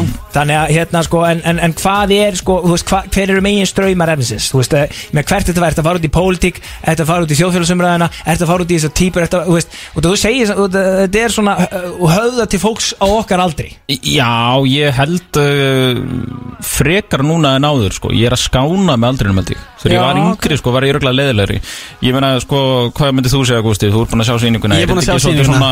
Þetta er svona gróft á köplum Þetta, Það er alveg- það er nefnilega málið okay. Sko, Jakob Birgis, hann er ekki hrættur við sko, að vera cancelled Þetta, sko, það voru alveg bara tímar Ég er að leika mér á línum Hann er að Ég leika sér á- hann er að bara dansa á línunni, sko. Já, ég er aðeins að dansa á línunni Ég veit ekki alveg hvernig ég á orðið þetta allt Eða segja okay. hver efnistökin eru Síðan alltaf, þú veist Síðan er ofinanlega náttúrulega Sko, ég á bann Já, einmitt, þú ert faðir, til að ekki með það. Já, ég er giftur líka, sko. Já, þú ert alltaf líka gift bakk út 98 mútur, þú ert á leiðin í badminton í kvöld með Já. Ott Þórða, Já. þú ert giftur bat, þú ert eina en ég, hvað gerast veist, það er náttúrulega, þú veist, ymmit, það er skrítið, sko. Ég er alveg meðvitaður um það, það er ekki alveg eðlilegt, sko. Fólk tala bara um mig eins og ég hafi gengið í votta Jehóva eða eitthvað bara Þú veist, bara eitthvað er ekki, er ekki lægi með þig. Um, En, þú veist, jú, jú, þannig að það er svona Þú það er einn af þessum fáu samt á Einhver okkar. efnistök og ég meina, auðvitað, auðvitað ræðum maður alveg stórumálun í þjóðfélaginu. Ég meina, blöss og allt þetta Ég meina, það má alveg, alveg segja að það sé pólitíst deilumál, sko. Er það? Nei, nei, en þú veist. Nei, ok, þú gerir það Nei, en sko, pólitík Ég myndi nú ekki segja Svona, ekki svona Eitthvað alþingispólitík, sko. Nei, ok. Bara svona pólitík á milli fólk, sko. Já, já, já, já, ég myndi, myndi, það er náttúrulega reyndar pólitík út um að- í- í öllu Já, þjóðfélaginu Þetta er sko. alltaf frekar auðskiljanlegt skilur Það er enginn eitthvað hvað í fjöndunum er hann að tala um þessum aður Mhm, uh, Og þú veist, í- allt svona klassíst að vera í framkvæmdum og eitthvað svona þú Já, veist. já, já, já. Þú veist, þetta uppistand er svolítið þannig að þú segir frá því ég er sirka að tala um þetta þá er það alltaf óáhugavert. Já, já, ég já, já, já, já, það- algjörlega. Það er Það alveg hljómar ekkert eitthvað svona Wow, er hann að tala um þetta? Ég verð að heyra það Þú veist, það er rosalega erfitt sko. Það er svona Já, klála, en þú veist, ég farið á þessu sýningu. Þetta var ekkert eðlilega fyndið. Ég og allir í kringum mig voru grenjandi úr hlátri. Ég fekk hann heiður að vera, sko, staðsettu beint fyrir aftan Binna Glí Og hann hló, hann hló mannahæst, sko. Já. Oh my god. Oh my god, Gusti Ég tók þess að tala um mig. Það er Patti, Patti er að fá kvíðakast núna. Strákar Það er alltaf mikið í gangi en FM Ég get þetta ekki að þessu tónlist undir. Nei, alveg ég er að fá kvíðakast. Jakob, hann er nefnilega ekkert eða góð eftirherma og hann tekur nokkra góður í síningunni Ég- What? Ég vissi, ég vissi nú gæ- gæti margt Ég vissi ekki hvað þetta er Ég hef aldrei hirti að vera að púla með þessa eftir Nei, ég hef nú svolítið verið í því svona í gerum tíðina og síðan er þetta að þróast og þetta er svona binni glíi kannski það sem ég er stoltastur af Já, sko. ég verði að þú nærður honum Hann tal- vel. Oh my god, hann talar inn í ykkar hóp. Ég, Nei, í alvöru Í alvöru, sko Hvar, hvar eru twins? Hvað eru tvins? Ég er mjög gaman að því. Þannig að þetta er miðal efnistaka, sko. Sko, Eh, Það eru hvað- binni glí og æði, æði strákanir og allt þetta, sko Og ég meina, Birgitta Líf, vinkona mín og allt þetta. skýtur það svo hana? Á hana, ég myndi nú bara segja að ég var að rósinni, sko. Já, já, já, ég meina, þú veist, einmitt Þú þú- Já, bara- nei, ég man eftir brandaranum Þú skýtur á hana, sko. Það var ekki með þetta, sko En ég, svo hlýtur hún reyndar að höfða líka einhvern veginn til hópsins svona bara 30 til 40 ára út af því að þú ert náttúrulega ekkert annað en fertur maður í Já. líkama 24 ára gammals manns Já, jafnvel í líkama færtus mann sko, ég er með ógislan líkama árið sko. Nei, ég segi svona, ég er, ég er ágætur sko, en veist, þetta er svona ákveðin samloku líkami sko. Já, ok Svona maður með heimilisbreið samloku En þú veist, eins og sér, ég er alveg ágætur standi.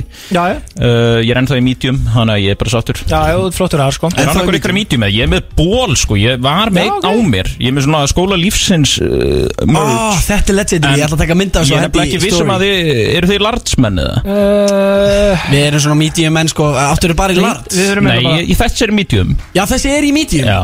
Það er perfekt fyrir okkur. Þetta verður svona, skil, þetta verður svona skilnaðabarnið okkar. Hann fyrir með hann til Oslo og svo næstu Svo ég er með hann þessa viku. Ok. Það er skóla lífsinsbóli núna? Ég ég er ekki grínast, ég myndi loka augunum Ég myndi halda að mér maður byrja glíma er bara mætturinn í stúdíu. Ég er ekki svo, ljóð það er svo gæðið sko. Ég, ég prófaði að tala við henni í síma. Það var alveg bara Hello Ég bara Hvað er í gangi? Þessi gæði Ég er náttúrulega elska binnaglí sko. Mér veist gæðin alveg frábær sko. Hann hann er eiginlega allt gott við hann að gæða Þannig að Þannig að hérna Hann bara var mjög ánægð með þetta. Hvað ertu annars sko, ég meina, byrju, ertu ekki eitthvað mentar Varst ekki búin að menta í stjórnmálafræði eitthvað svona dót? Nei, ég byrjaði háskóla, ég náttúrulega er þannig að skóru lífsins, ég er enda með MR en þú veist, það er hann eitthvað maður með það. Já, já, já, Þannig að skóru lífsins Ok, heita á síningunni, þetta er meira svona vísun í sko einmitt, maður er að gangi kjörnum ímislegt í lífinu og hefur gert ímislegt og svona og það er svona aðeins verið að fa- fara í það að svona grunn þema ertu ekki að gera grína fólkinu sem er með skóli lífsins á, hérna, í, í hérna? Nei, það er mitt fólk í raun og veru sko. Ég, ég myndi segja það, já, ég meina, ég, ég tengi við það alveg að einhverju liti sko. Ég er ekki, ég er ekki eitthvað svona Þetta er ekkert mentasnopp í þessu sko. Ég er, ég, er í skóra lífsins í grunninn sko Reynda með stúnarspróf en það skiptir ekki máli. Já. Mhm. En, en hvað, þú sér ekkert fram á að klára sér gráðu og ætla bara að vera uppstandur, er þetta ekki líka bara hlóttur í? Jú, jú, ég meina þú veist kannski klára maður einhverja gráðu einhver tíma en ekki kannski stjórnmálafræði sko. Nei, svo ertu náttúrulega búin að vera eitthvað í fjölmjölum líka hann í aðstæðleiti og því félagarnir róttvörða hafi nú verið eitthvað saman harðið ekki? Uh, Jú, ég hef nú eitthvað starfað það sko er, og ég er reyndar orðin helviti sterkur sínmaður núna sko. Ég er reyndar ekki að vinna neitt fyrir sín sem er sorglegt sko. Og þetta er, herru, þetta er fyrsta sinn sem ég mæti viðtala á FM, ég er ekki að grínast. Þetta er stórt, ok. þetta er stórt. Fjögur ár Vá. sem atvinnu uppistandari. Emitt Ég er að selja upp hallir. Nei, ok, hérna. Ég er búin að ferðast um landið. Ég á konu og bann Og FM 957 verður ekki séð sér fært að fá mig. Ekki fyrir en ég byrjaði að leika. Binna glí Þá fyrst sko, oh my god Við verðum að fá hennan mann til okkar. Þá ég- fyrst byrjaði síminn Og að ég hringja. farið að að allar aðra stöðvar. Nema FM Það er, þú veist. Þetta er skandal Þetta er mikill skandall. Já, Þess það vegna verður er svo að gott að, sko, að FM er komið með okkur Ungu gaurana sem er einmitt að heyra í Jakobi Birgis og eh, að er algjört gamlinga dæmi greinilega sko. Já, Það er er- ekki? Jó, jó, en síðan er náttúrulega plotturinn á mótnana og svona, hann er minn maður líka sko. Já, Já. þú tarður plótið maður. Já, Þú, ég er þú varst að segja mér á hann bara off-air að þú væri svona gangbenga svolítið FM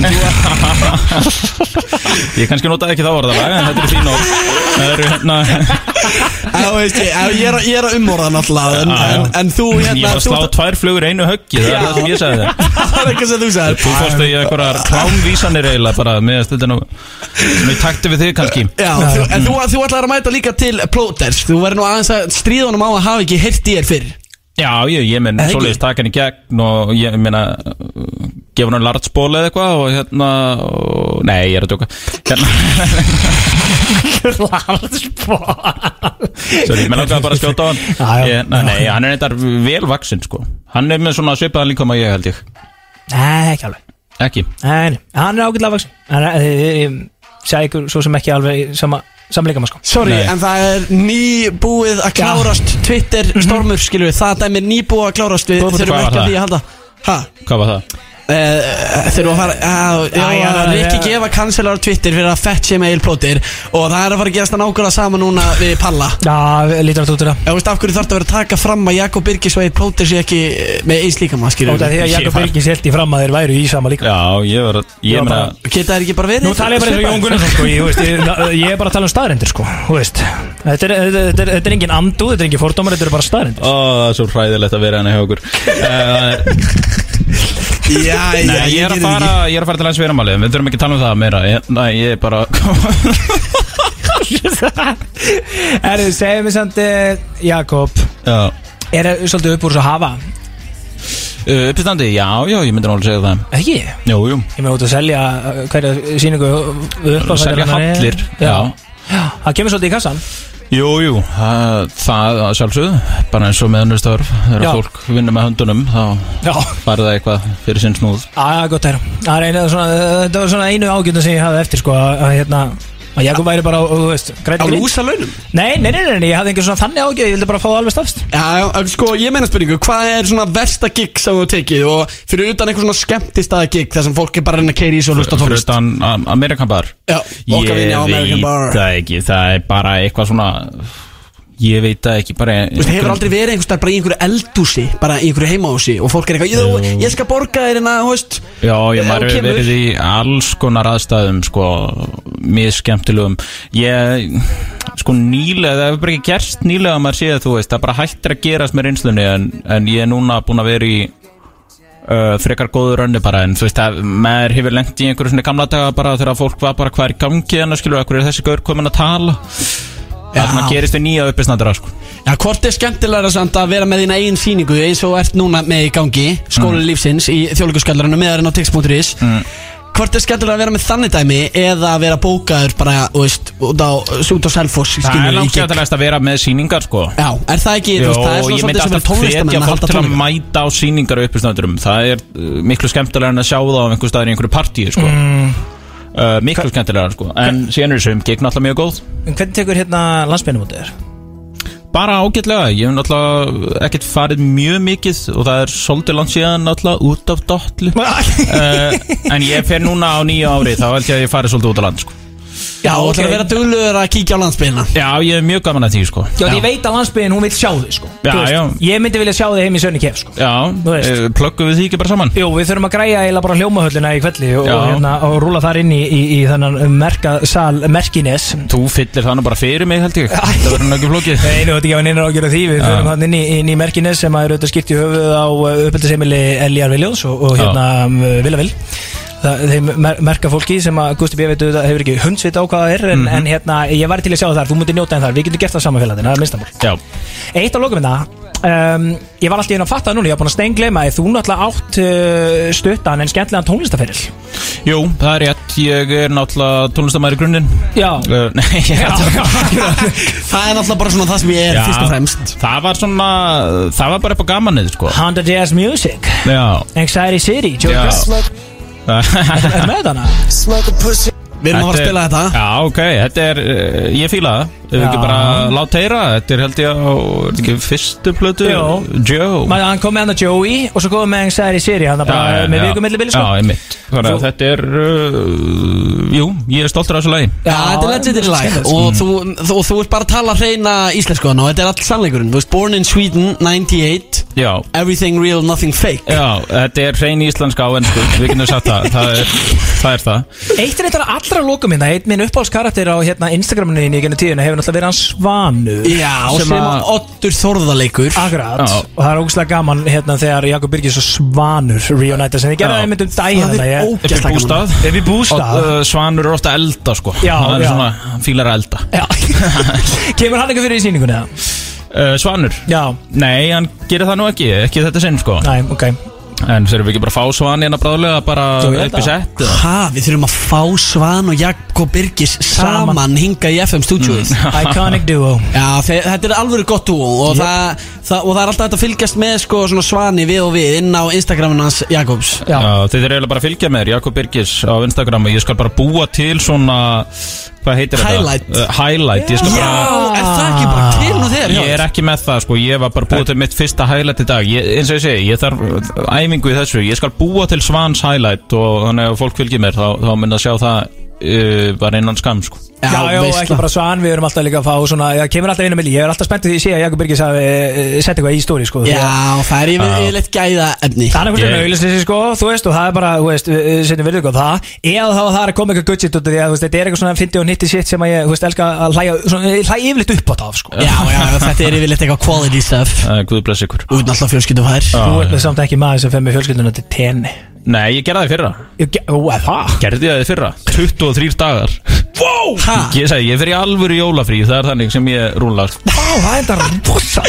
Svona rúlar Þú bara er Jakob samt Birgis einhvern veginn svona maður sem að, þú veist, stræka með eins og eitthvað svona sem myndi fara í, í 23 geta að ferð með fjölskyldinu til Berlínar Já, Já, 100% Ég- kannski ég- einhverju skilningi sko, ég var í Berlin um daginn. En, uh, en þú veist, ég tók gamalmennaferð sko, ég braut Já. þryggja vikna múrin og bara alvöru tenni sko. En Dóri, sko, ekki ekki bara faðir, heldur líka giftur maður. Já, Út eigin maður já, þetta er skólulífsins Mikið rétt. Þetta er skóli lífsins og á þeim orðum endur við uh, þetta spjall. Uh, Jakob Birgis, við þökkuður kella fyrir komin alltaf gaman að uh, sjá þig og loksis komin inn á FM 957 í spjall. Uh, Tími til komin Svo Já, sannlega, ekki setna með þetta Já, og uh, við ætlum að enda þetta segment á að spila Honda Jazz Music. Þetta er að plötunni Anxiety City Þetta er í fyrsta skipti sem að þetta er spilað hér á FM, ég sé það í kerfinu. Já, það kemur ekki orð, einhvern veginn. Já. Það er einhvern stöð við erum á. Það var, ég meina, alls konar lög sem ég er alltaf verið að spila Þetta er alltaf að spila á bylgunni. Já, ha, ætli þetta sé bara í fyrsta skipti í útvarpi? Nei, one on one hafa verið duglega að spila þetta. En í fyrsta skipti hér á FM uh, Jakob Birgis á lægi á FM 957 Jacob Þetta er. Honda Jazz Music með Joey Christ og Jakobi Birgis eða Jacob Mohamed Svo er Ólafur Darri komin til okkar, við munum heyri honum eftir þetta lag, takk Smoke a pussy and I go. Fuck your girl on the low. Við erum komið með aðal gest okkar í dag og það er gestur af dýrarigerðinni Já, þessi eru á efstu hyllu, við getum orðað það þannig. Já, þetta er A-list. Það er bara nákvæmlega svo leiðis Já, þetta er Ólafur Darri, verður hjartanlega velkomin í veisluna. Takk hérlega Það er gott að fá þig inga þú kemur með svona hlýlega nervuru einhvern veginn. Já, bara takk fyrir að fá mig. Og slag gaman að koma. Verður reyndar, sko, menn segir þetta oft eitthvað svona Ó, þetta er svo góða nervir, eitthvað Skilur, er svona bara, veist, þetta er svona algjör trós. Það, ég, sko, verður að fá að taka undir þetta með Gustaf, sko, hérna Fyrst sinn sem við hittustu, ég finna bara hvað er gott að vera í kringu þið Takk fyrir það. Það er allt í lagi að vera í kringum mig, ekki á mótnana kannski en Nú ertu morgunfullega Ég er alveg hræðilegur sko. Já. Já, Ertu B-típa? já, ég, já Það er bara, ég er bara búin að gefast upp á mótnanum Það er bara, ég er ekki, þeir eru ekki fyrir mig. Nei, nei, nei, ég, Það er bara þannig. En, en þú veist bara, þetta er ekki bara einn kaffi og síka og allir létti bara og halda frá með það. Nei, sko, síkó er náttúrulega búið.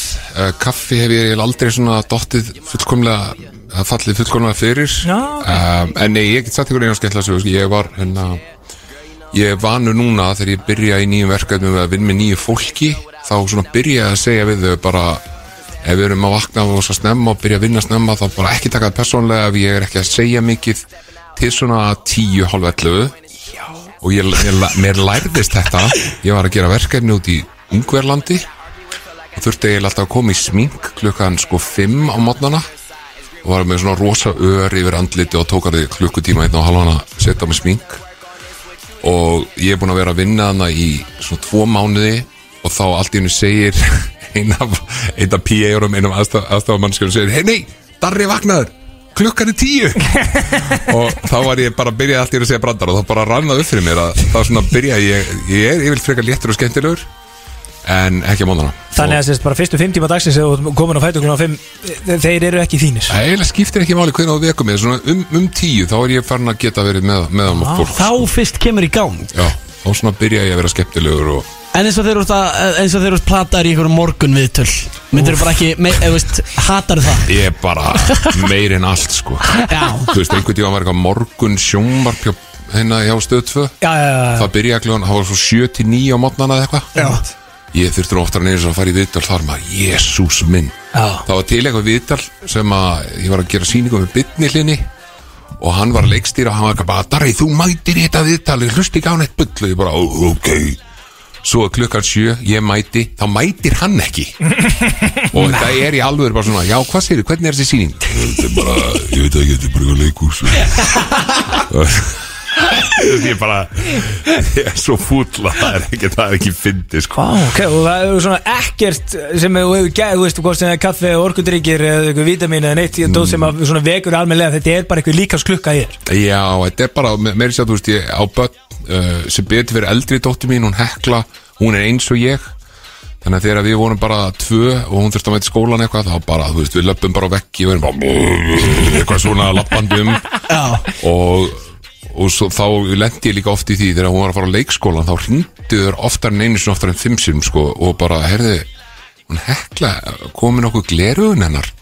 Það var það var ég sem ekki sleði Ég vak fatta ekki að svo var ekki með gleruðun sín Og hún er ekki heldur. Þannig að ég er bara, já Ég held að þessu sé ekki við bjargandi sko. Ok, en ég minna út léttu núna, léttu ljúrukáttur, ég finna það alveg Já, og varst heppin að, að, hérna, að við erum ekki með morgun þátt við, Já. Þetta er bara þælu tími fyrir þig, eða ekki? Takk sé guði. Já, Ég er mjög fegir sko.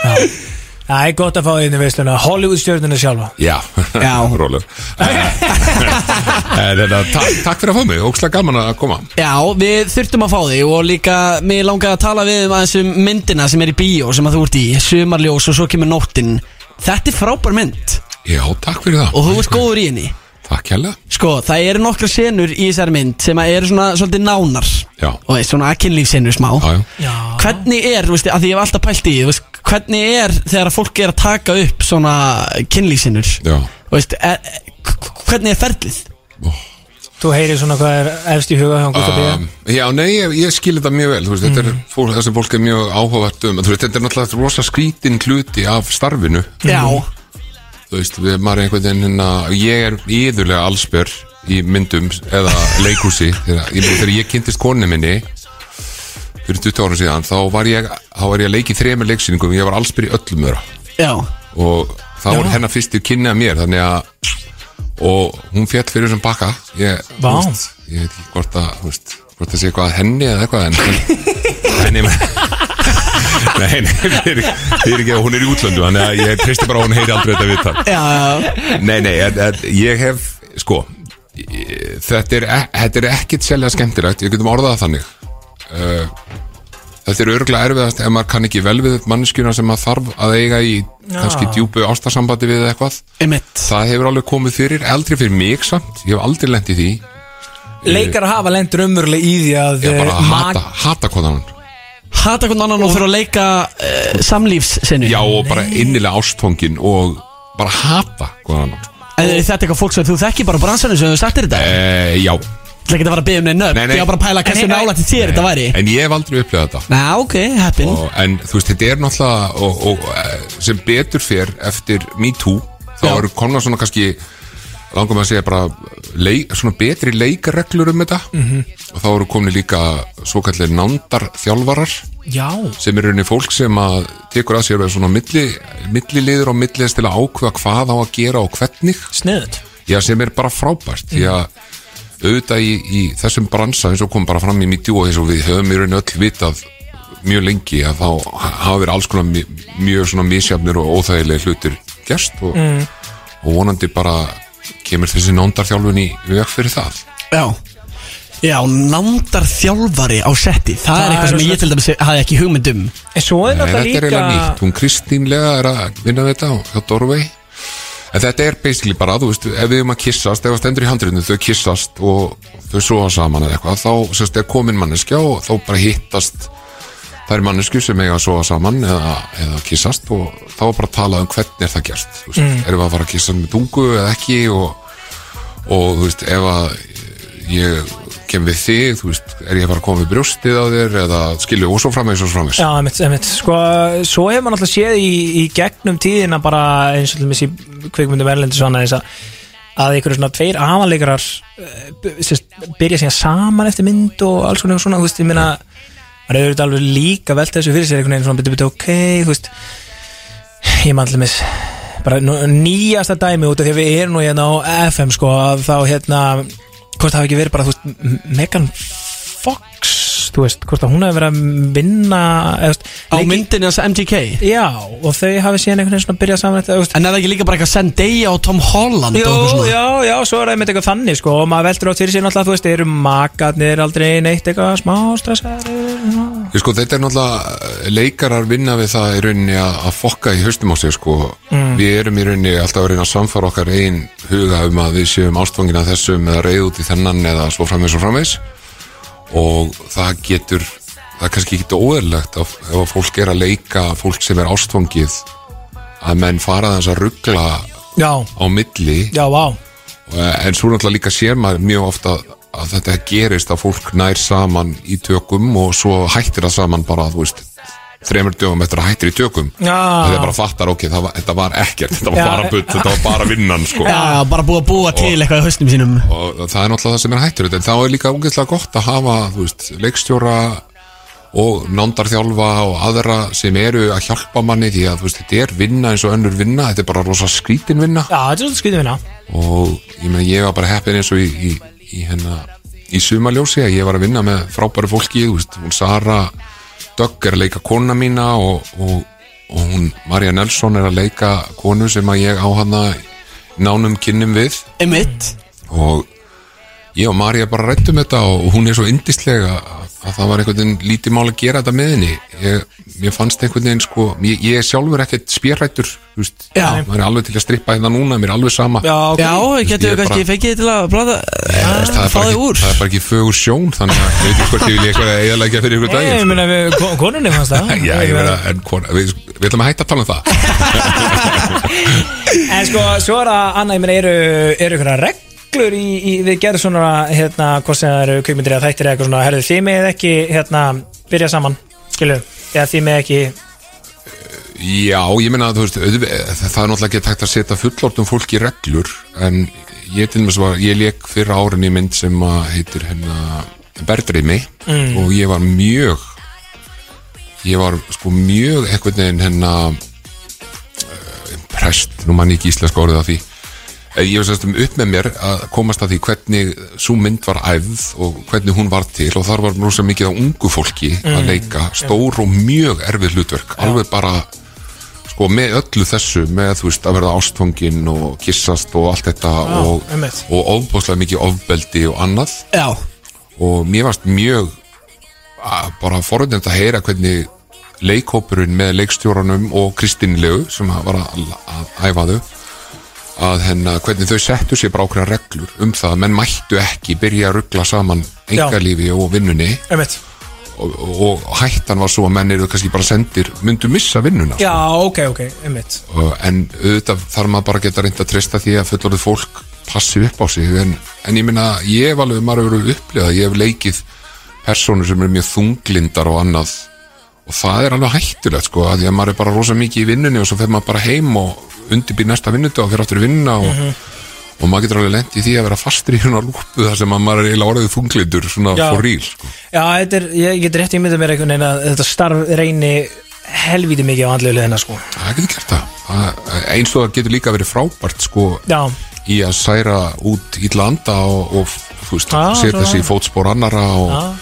ég stundu, þú veist, ef ég er sorgmæntur eða eitthvað, þá ég stundu geta bara setta í vinnuna og nýtta þar og það er oft líka Einhver mikið útrás. frelsun, sko, Já. útrás Sko, ég meina svo, þú ert alltaf búin að vera eitthvað, svo fyndið sko, þú veist maður, maður auðvitað sér þig bara í þessum, þessum hérna, íslensku serjum öllum þessum, þú veist, það er nú bara- væri nú- væri minni í allan dag, við ætlum að fara að telja þær allar upp við erum all, uh, séðar flestar en svo ertu náttúrulega líka búin að vera í rosalega stórum hlutverkum erlendis ánum fyrir maður aðeins út í það hvernig, þú veist eh, ertu heima hjá þér eitthvað, þú veist, hvað áttu heima skilur, ertu Ólaður Dari, Hvernig hvað er- ertu heima? Hvernig er fjölskyldur lífið, skilur?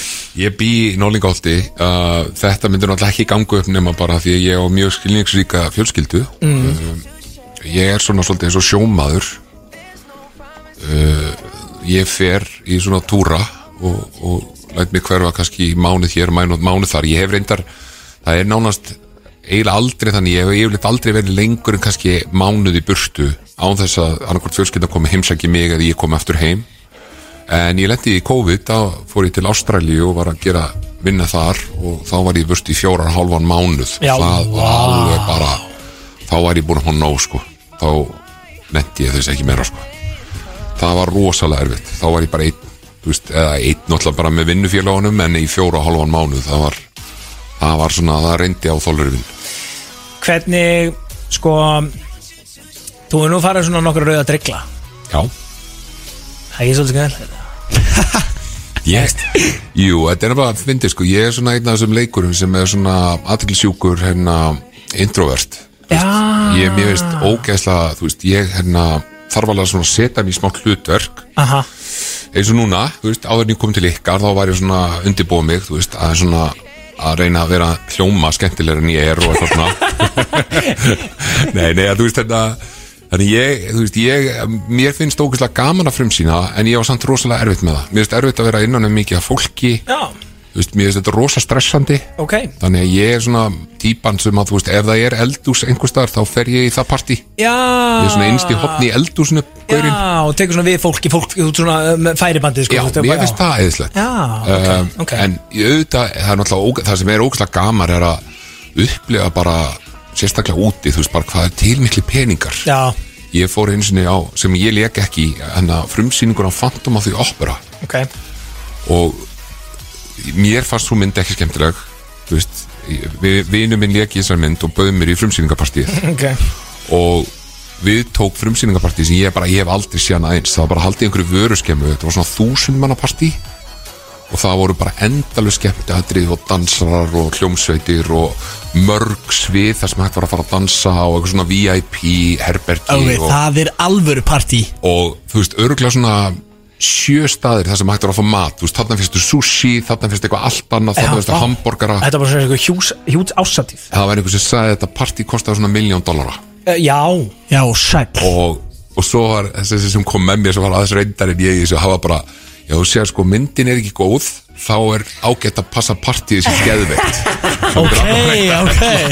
Hella kakriðum það fulla Æ, gott trikk og, og reyna að hækka upp hérna. en ég er sjálf ekki dýrið að kæfta það. En ég man alveg að partíð var tölur betra en myndin. Þannig að þér, svona, þú veist, líður ekkert eitthvað það vel þegar þú ert, þú veist, sútaður upp lappa rauðadreilin og hérna svona Ólafur Dari Allir að taka myndirnar. Can you please, yeah, Ólafur Dari, look here. Og það kemur þú veist. Veist, það sem ég er skemmtilegt við það er í rauninni að sem er kannski bara veist, að því að maður er frá Íslandi og ég bara þú veist, úr breiðoltunni ég bý í Norlingolti bara til að svara spurningunni. Mm, Já, ég er bara svona, ég fer í bónus og versla það sko.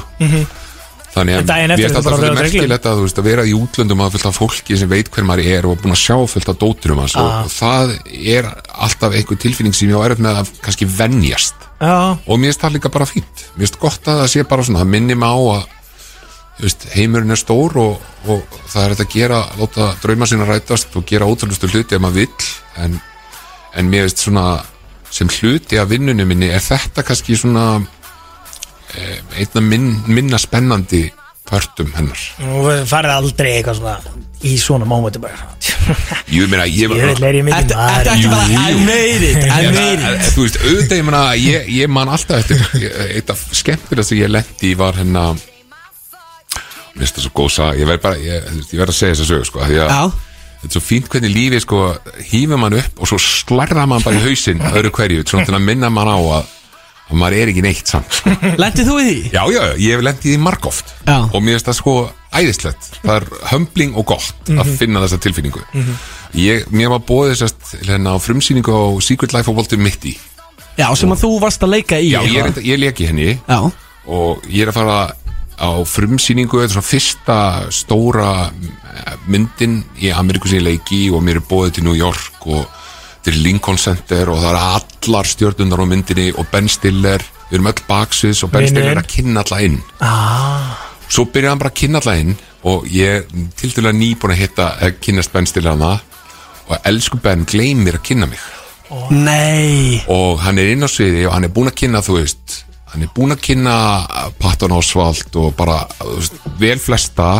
Hann var að kynna einn Sean Penn.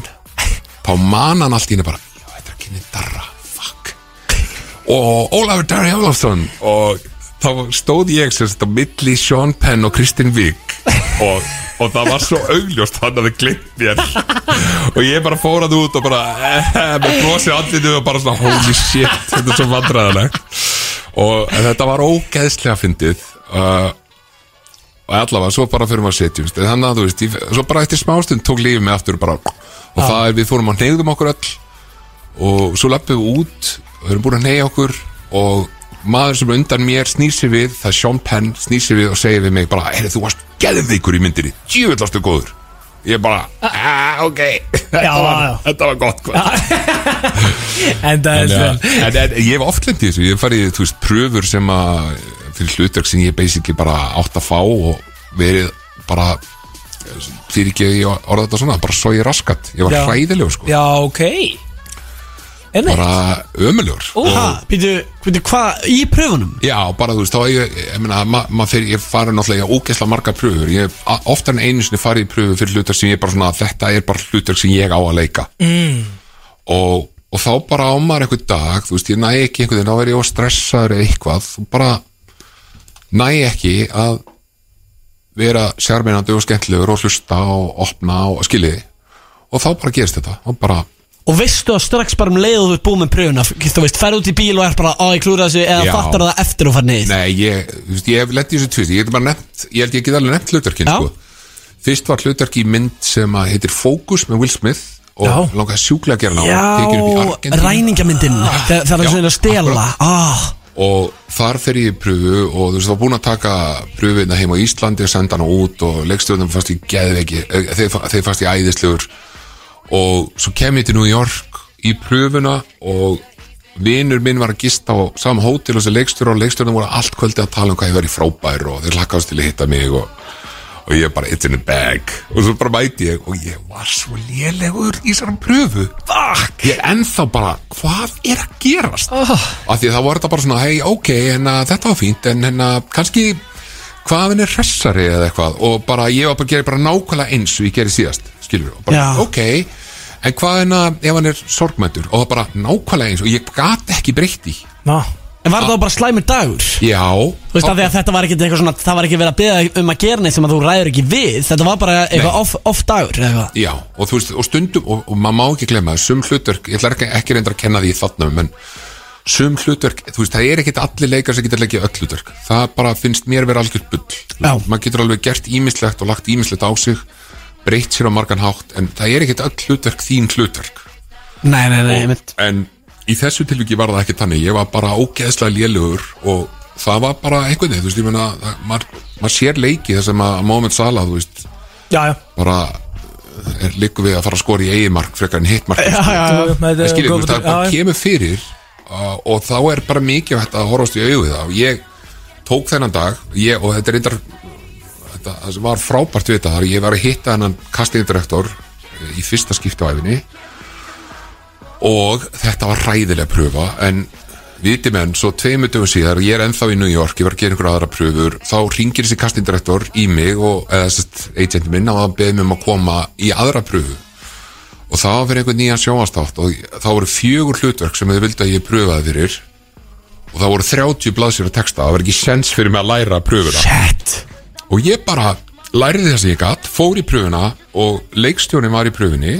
Og það var Jonathan Demme sem að eh, er nú dáin núna því miður. Uh, blessuð sér minning hans. Hann leikstýri Silence of the Lambs og fleiri frábæri myndum. Á, ok, legend. Og ég bara, þú veist, ég myndi ekki allan textan og ég bara vann og vann og prófaði fyrir all fjögur hlutverkin. Og hálftíma eftir ég fór þeirri pröfu þá ringdi agenti mig og sagði bara, já, ok, það var bara eins og við vissum. Þú varst ekki réttur í neina þessum hlutverkum. En eftir pröfuna þá var bara leiksturinn búin að ákveða að hann ætlar að búa til hlutverk fyrir þig. Þeir ætla bara að skrifa, það var eitthvað lítið hlutverk sem áttur lítið hlutverk, þeir ætla bara að skrifa og stækka ok, það er og legend þá bara, þeir vilja bara fá þig. Þannig að þú veist það er allir að gangur í maður bara þessu. hristir þetta af sér skilur, maður þýðir ekkert annað. Maður er bara, sumi dagar eru slæmir þá bara er hann vondur og svo bara næsti dagur er bara betri.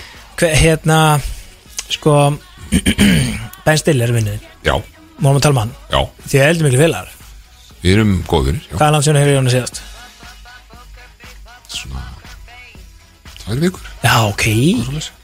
Sko, hann kom alltaf hérna eitthvað til Íslands líka bara í eitthvað frí og, og þú varst bara hann að chilla með honum út um all land og sína honum hinn og þetta og þetta og hvað, eða ekki, var það Jú. ekki svona? Ég hafa voru tíu árs liðin síðan að við gerðum Já. bolti mitt í og, og við fórum uh, út af því fórum við til dæmis í, í stikkisólum og Einmitt. Veitu, Var hann að koma á klakan bara út af því? Bara svona smá reunion? eða? hann var bara komið fjölskyldu frí og, og það var svona góð ástæð til að halda upp á það ég held ég sé ekkert að svíkja tröst Ben með því að segja að Ben elskar Ísland, hún finnst þetta æðislegt land og ég veit að hann væri, myndi stökka á það hratt og öruglega ef hann fengi tækifæri til að gera aðra bíómynd eða eitthvað á Íslandi sko. hann elskaði það. Æðislegt land. Ég Sko, skil ég- ekkert í þetta jók. Ég er En hvernig var það eins og þegar þið kynntust fyrst. Þú veist, varst þið þá ekki alveg smá svona Shit, þetta er Ben Stiller, skilur við Já, verður þú ekkert starstruck? eða? Jú, jú, ég verð mjög starstruck ég, Já. þú veist, ég, ég, einhvern veginn með Ben það var mjög fyndið, ég, ég, sko, hitt hann fyrst þá þurfti ég að gera pröfu á mótunum og þá var, ég- þá var ég búin að fara tvísar í pröfu áður Og var það, það var fyrir Voltumitti? Já, og svo hitti hann í þessar pröfu og hann var alltaf sko þú veist, stór hluta þess aðri er slagsmálatri á milli mín og hans karakters og hann var alltaf að segja bara takt á mér, takt á mér. Og ég meina Ben er ekkert stærsti maðurinn í heiminum sko. Nei, ég meina þú getur bara kramið hans ég, ég bara, þú veist ég þarf að passa hvað ég sest sko, þú veist, ég meina nei, bara, þú veist, á grín, sko. Ég, og, og Ben er ekkert lítill, sko en hann er Nei, samt nei. ekki stórmaður, sko. Nei, nei. og ég er náttúrulega bara svo mikið tröll, sko. En, en og ég var alltaf eitthvað svona feimið og hann bara, þú mátt alveg taka á mér, sko. Ég brotna ekkert, þetta er allt í lagi. Og, og það, mér finnst það kannski mér finnst það líka svo frábært við Ben að hann er svo ógeðslega duglegur, sko. Hann, hann vandar sig svo mikið og hann leggur allt sem hann á í allt sem hann gerir, sko. Og þess vegna, þú veist, til dæmis eins og Severance sjónvaserían sem að hann leikstýrir sem er á Apple TV Plus, ég veit ekki hvort það sé hana en, en hún er bara mistraverk það er Já. bara eitthvað flottasta sjónvarp sem ég hef séð uh, undanferðin ár en hann einhvern veginn bara leggur allt í söluna og en við einhvern veginn, ég bara var ráðinn svo var ég ráðinn í þetta hlutverk, held ég myndi aldrei fá þetta hlutverk, svo fæ ég þetta hlutverk og það og svo er ég bara allir komin til stikkisólums og, og akkurat búin að þurfa að taka þess helvítið slagsmála sinni við Ben og, og búin að blóðgan þú veist, út af þessum hring með einhvern hring og svo fór hringurinn eitthvað að hrublan á enninu og ég bara ég hugsaði fyrsta daginn bara, ég er rekin þeir, eru þetta að henda mig það nú Að það, að það fyrsti tökudagurinn þá, þá er það að taka upp slagsmála sinni Þú ert með einhvern og hring ég á að þér. syngja hana Don't You Want Me Baby, karaoke útgáfu og eitthvað. Og, en svo daginn eftir tökum við upp þetta senu þar sem að þeir sita saman við borð og ég er bara að drekka bjór og þeir eru bara að kjafta. Og þá fann ég þá, þá var eitthvað svona var eitthvað svona magic. Og þá, þá fekk ég fyrst svona alltaf með miðju kafi að skjóta þá var ég alltaf bara hvað er að gerast? Veist, ég sit hérna Ben Stiller og við erum bara að kjafta og taka upp eitthvað atri og bara vinna saman. Og þú veist, þá allt í hennu lust þessu niður í mig. Ég var ekki fann að gera þetta. Ég hafði bara verið og stressaður eitthvað fram að því. En, en svo bara var líka bara hann er svo frábæð leikstjóri hann, hann hjálpaði mér svo mikið hann tók sér svo mikið tíma uh, og bara hann var svo dugleg bara, heyrðu, prófaði þetta, gerðu þetta prófaði þetta. Og þú veist úr varð allavega sko klálega eitt af fimm upp á slutverkunum mínum sem ég hef leikið sko. Já. en það hversu oft fær maður að leika þú veist drukkin hennar þyrluflugmann sem er degur ástarsorg í Þorpi í Grænlandi og er að fara að fljúa fullur og veist. ekki oft. En það er nefnilega málið, það vita það ekki margir að Ben Stiller, hann var náttúrulega líka leikstjórin af. The Life The Secret Life of Walter Mitty. Já. Þannig að, þú veist, hva, hva, það er auðvitað smá skrítið að vera skilur aðalhuturkið Já. En líka að vera leikstýra. Já, mér fannst hann bara gera þetta hann gerði það ógeðslega vel. Já. og hann, þú veist, hann hafði svo sem gert það áður en, en mér fannst hann ótrúð og það var líka svo áhugavert að sjá hvað hann var harður við sjálfan sig þú veist, hann var bara ekki aftur. Og þú veist, hann var bara svona langaði svo, svo að segja við sjálfan bara, you did þetta fucking better Já, uh, þannig að uh, já, ég, þú veist ég, mér veist einhvern veginn hafa margt þetta að læra af, af Ben og, og ég svona, ég, ég dáist á hann ég veist hann frábærgur, sko. Var það, en sko Hvenær hefur verið svona mest starstruck? það var þegar ég hitti Jennifer Aniston. Wow, oh, elska Jennifer Aniston sko. Í fyrsta skipti. Hvað ertu búin að heita Jennifer Aniston? Ég er náttúrulega, sko, fyrst hitti ég Jennifer Aniston. Hún var í tökum í New York. Og ég var með sólgleru og sem betur fyrr og mér tókst að slefa ekki einhvern veginn, og meina ekki að því að það var bara því ég var bara svona, augun bara fóru bara sukku bara í miðjuna fyrir aftan sólgleruin og ég var bara uh, uh, og, og kona mín var með mér og hún var svona að tala við Jennifer og ég bara sagði þrjá, þrjú orð sko. Svo var hún bara farin og ég bara, okay, bara svo fjeg, var ég svo heppin ég fekk að leika með Jennifer Aniston svo setna Í Murder Mystery. Já, akkurat. Og, og þá, en þ- þá var ég ógeðslega skemmtilega að suga akkurat að hitta Jennifer Aniston þar til dæmis komu dætur mínar og, og fjölskyldan kom út og hitti mig í Kanada þegar ég var að skjóta þessa mynd. Og ég kynnti stelpuna mína fyrir Jennifer Aniston. Og það er svona, já, já, ok, já, frábært þetta, gaman þig. Svo byrja eldri dóttir mín að horfa á Friends þú veist, tveimur árum síðar.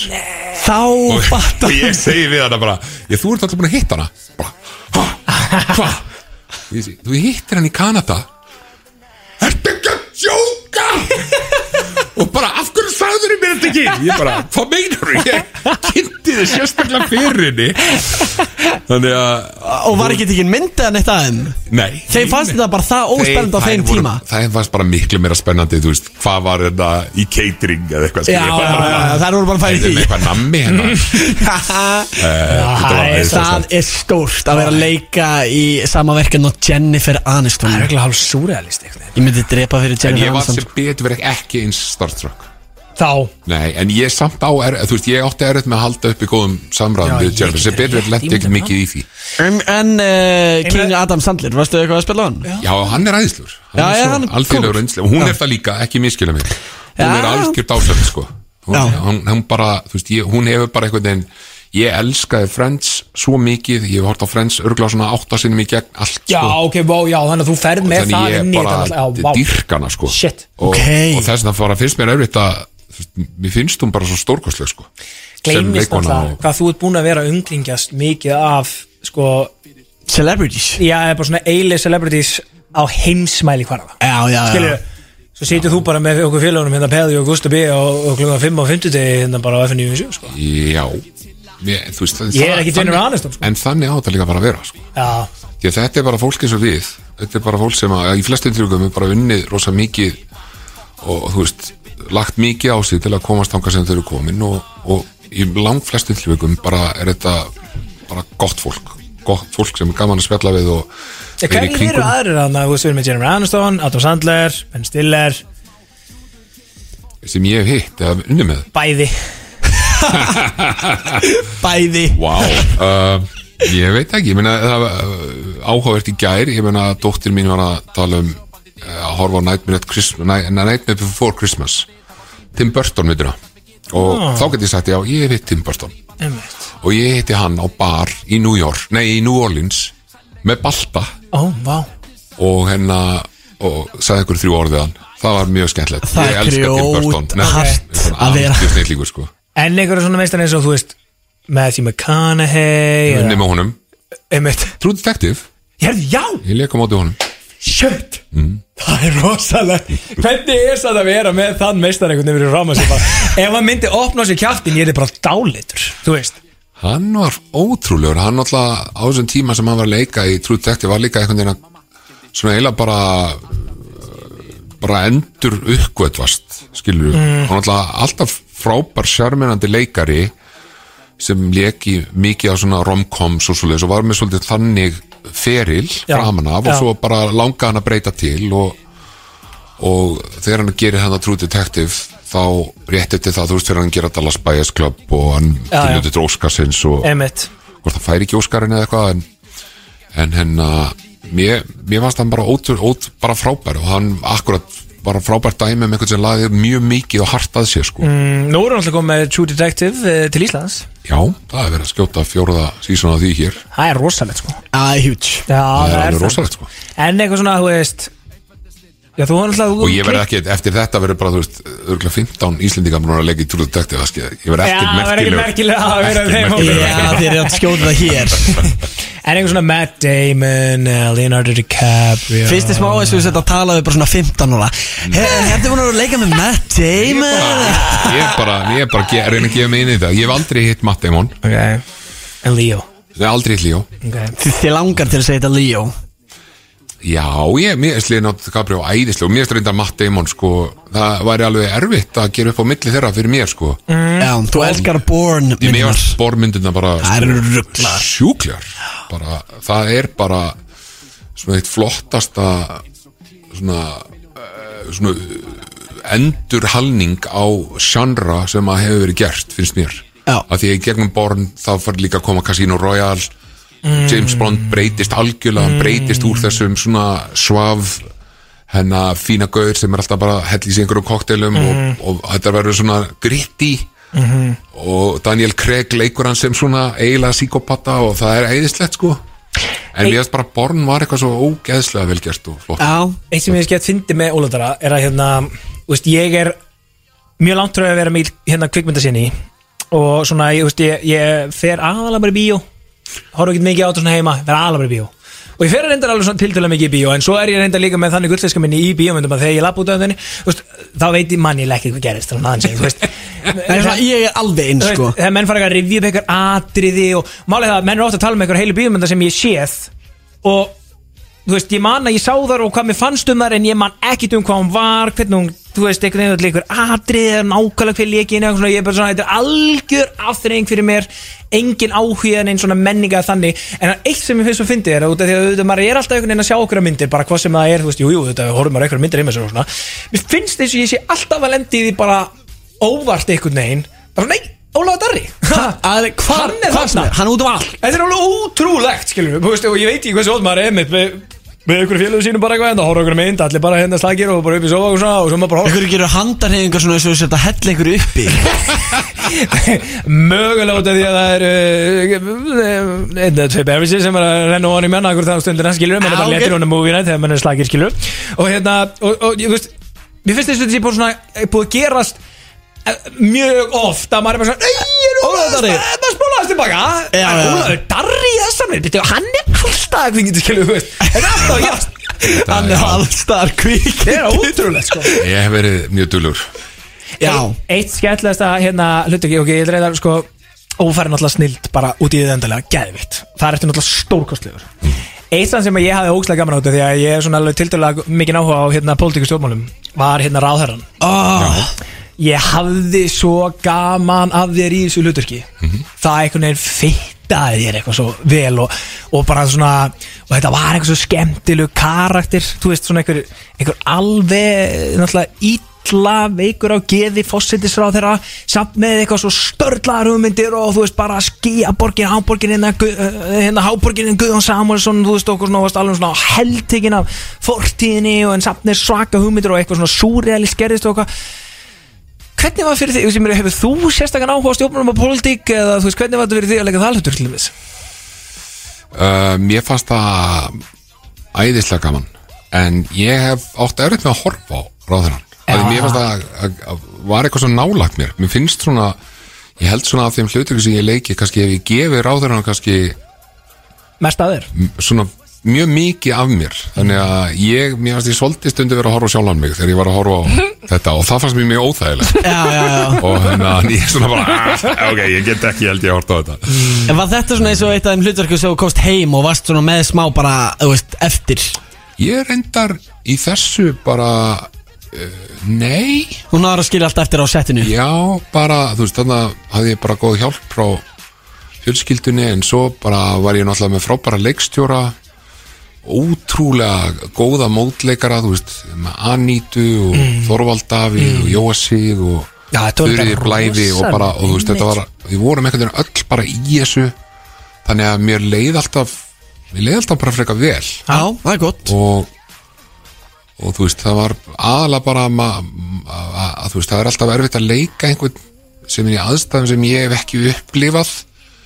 Eh, og á kannski erfitt með þú veist æ, hvernig, þú veist, að ég er ekki að, þú veist, ef maður leikur morðingja þá þarf maður ekki að hafa drepi einhvern til að vita mm. hvernig það er morðing, að drepi Nei, einhvern nei. ég er ekki að tala um það. Nei, nei, ég veit hvað En það þegar maður er að tala um einhvern sem að er upp, er að upplifa maníu Já, uh, bara svona fullblón maníu aha, þá er það ástand sem ég hef aldrei komist í. Einmitt. Já, þú átt eftir að taka þann bakka Já, uh, vonandi kannski ekki á þennan hátt en, en ég hef alveg svona, maður fær kannski snertaði þegar maður þegar maður gengur rosa vel þú veist, þegar Já. maður hittir einhverja mjög sæta stelpu eða strák eða, eða hán og, og upplifið sig sem alveg rosalega spaða og maður er að segja allt rétt og gera allt rétt og maður er bara yes, þetta er geðveikt.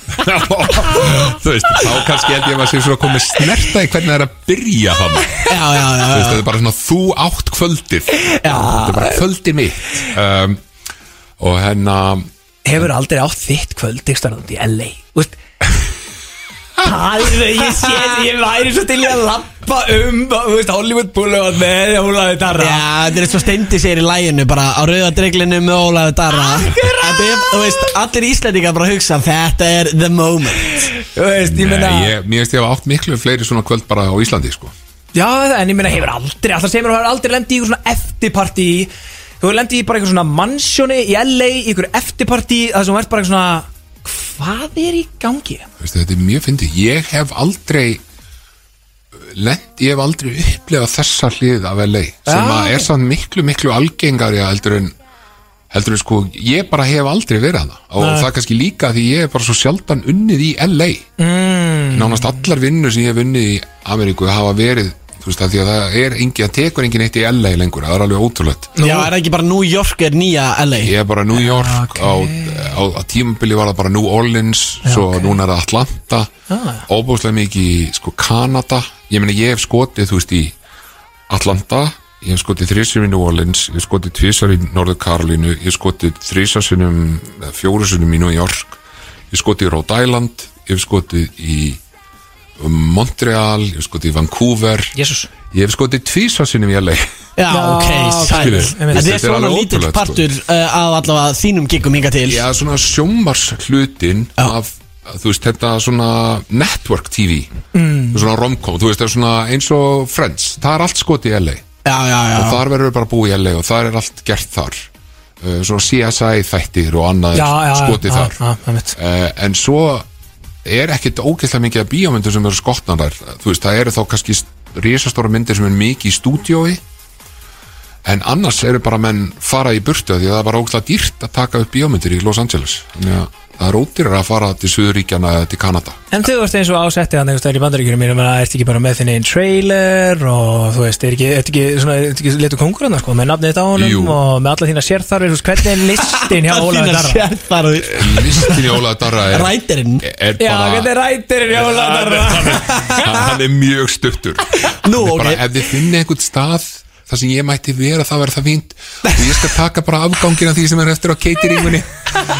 Nei, nei, veri, ég, ég hlóð náttúrulega mikið að ég man, ég, þetta var, ég var að leiki Last Witch Hunter í hennar Pittsburgh, glemdi því. Já, Ég leik ok, Pittsburgh, ok. Þannig að Pennsylvania. með Vin Diesel. Stór Ég vissi að ég vissi að hann myndi elska það. Palli, þú elskar það?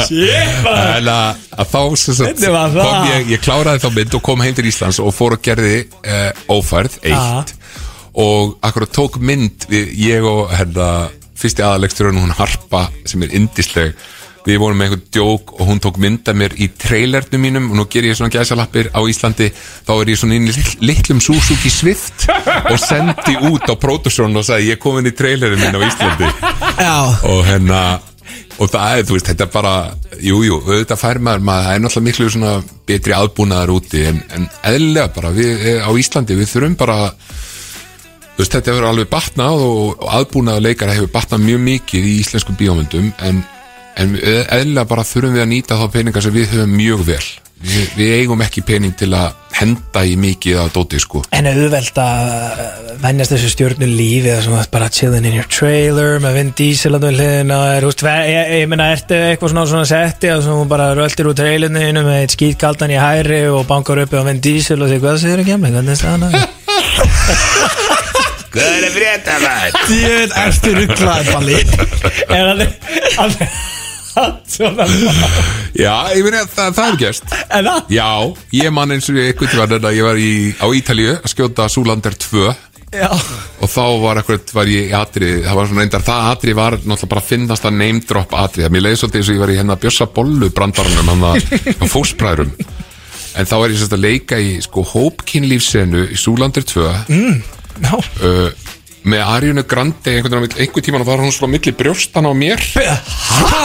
Býtu, býtu, ha, ha, ha, ha, ha.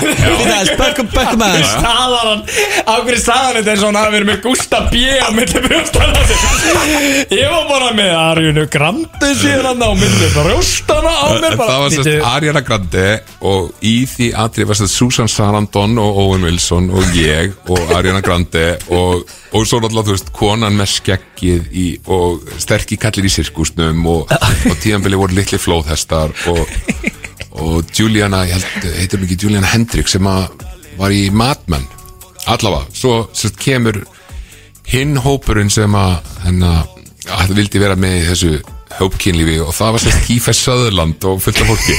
Og ég, og ég man að ég, ég man að ég var að labba um akkur trailerum minn labba út af trailerum minnum og þá situr Kífer Söðurland þar og er að spila á gítar og ég eitthvað svona sest bara hjá Kífer fæði mér hann sót og hlust á Kífer spila á gítar og syngja. Og ég bara, ég vil þetta geðu Legendary dæmi. Ég hef það sekundinni í aðstæðum Ólafstarra tekið upp síman sett hann svona okkur kýfa félagana Já.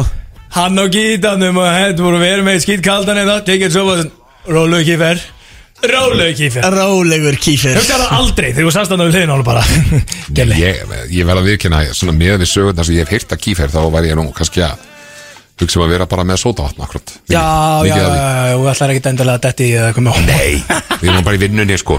Já. Nei, nei, ég hérna Já, þetta er, það er ótrúlega fyndið Svona, alls konar svona moment sem að Þú veist, með Arínu Grandi og milli brjóst Þetta er bara Ég held að þetta sé í myndinni. Mér minnir Ég það, verð sko. nú Ha, ég, sko þetta er að, af hverju byrjar ekki vi- viðtalið á þessu? Hann var alveg, hann sagði þetta svona mennilega bara ég, þú veist, ég, ég þurfti að meðtaka þetta En veitu hvernig var að, þú veist, varst ekki starfströkk þegar þú sást Ariana Grande? nei Ég er einhvern veginn ekki þannig sko. Mér, finnst hún, og hún frábær sko. Mér finnst hún mjög merkileg og mér finnst hún merkileg í dag heldur mér fannst það þá. Ég hef hlustað miklu meira á hana eftir þetta. En Hvernig manneskja var hún? Þú veist, var hún bara skemmtilega? Hún var indisleg Bara ekkert nema bara indisleg Það er allir Og indislega hún var ekkert henni Henni fannst ekkert erfitt að koma til brjóstan á mér.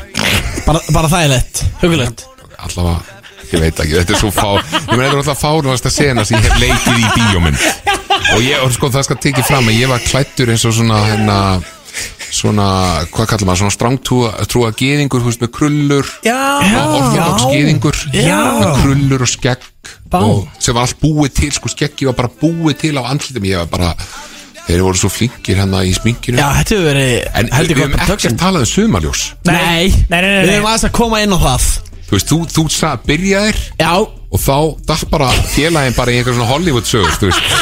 Maður ma þekki sitt heima fólk skilur en, en Já. ertu búin að lesa bókina Sumaljós sko, ég er ekki búin að lesa bókina En ég fór á þessa kvikmynd í Smárabjó bara núna í gær. Og uh, myndin heitir Sumarljós og svo kemur nóttin. Og þetta er, sko, máli er Íslenskar myndir, það er, það er svo gaman að fara á íslenskar kvikmyndir. Og þetta, þetta mynd sem að er geggjað að fara á. Og uh, Ólafur Dari, þú stóðst ekkit eðlilega vel í henni. Já takk hella Og sko, það var alveg, það var alveg nokkra senur hana sem að fekk alveg smá tár í augun, sko. Ok, Ég ok. verð að játa það, sko. Hreyfið við manni? Já, það, það voru senur hana sem að hreyðu við manni klála Hey, sko, þetta er eh, bara svo ég sé alveg hreinskilin þetta er eina af mínum uppáhalds íslenskum bókum. Uh, og þetta er þú veist, ef einhvern langar lesa virkilega fallega bók sem að er bara veginn svona Jón Kalman með svona einhvern djúbstæðan skilning á mannlegu tilverunni og, og hérna þá er þetta algjörlega mögnuð bók að lesa. Og ég einhvern veginn get ekki mælt meira með henni og, og mér finnst líka, mér finnst bara Elvar Aðasteinsson sem að er leikstjórinn og, og handritsöndurinn á myndinni, hann nær einhvern veginn að fanga þennan anda bókarina rosalega vel. Og en að hann er bókin, eh, myndin er, er já, ég, mér fannst hún aðeinsleg ég, veist, og ég er ekkert fanur að segja það um eitthvað sem að ég leiki og framleiði en auðvitað vil ég bara fá fólk í bíó og þetta er besta mynd sem allir hafa nokkuð tíma séð. Þetta er það. Og eh, ég er ég- Já, ég er náttúrulega, ég, ég, ég, ég hef náttúrulega ekki farið í bíóin í Íslandi síðan ég flutti út þannig að fyrir einhverjum tveim mánuði síðan. Þannig að ég átti, ég meina verður hún ekki öruglega ennþá í bíó en á jólinn og eitthvað eftir álmótið eða? Nei. Nei, veitu hvað allar bara Drífa sig í að bíó. íslenska bíómyndi sé hvað bara það sem eftir er æviðinnar í bíó eða? Þú getur bara drullaður eitthvað þegar eftir einhverjum mánu Þú ferð bara í bíó áður og ferð út. Já, já, þetta já, er þetta er Ólaður Darri að pakka þess samanpalli Ég Þetta er er bara að leggja hennar smar- drikk frá mér. Ég er bara að fá mér eitt kaffi og í bíó í kvöld. Þetta er bara smárabíó.is. Þú bókar þér e, miða. Já, Það er bara er klár Nei, það var útrúlega gaman. Ég, ég, Mér finnst þetta skemmtilegt að fólk færa á þessa mynda Því ég get alveg með heilum hugum mælt með henni og, og mér finnst bara að vinna allra í henni er svo falleg og bara leikarana og alls grúsins Hún er eiginlega nánast Ég, nánast, hún er eiginlega öll Já, hún er öll tekin á þingari held ég Ég held við um bara Er hún tekin upp á þingi? Já, Nei hún er öll tekin upp þar og alveg ótrúlega fallegum svona sumar inn í haust Ága, hvenar? uh, fyrir tveimur sumurum síðan 2020 Ég- Nei, 2020, já.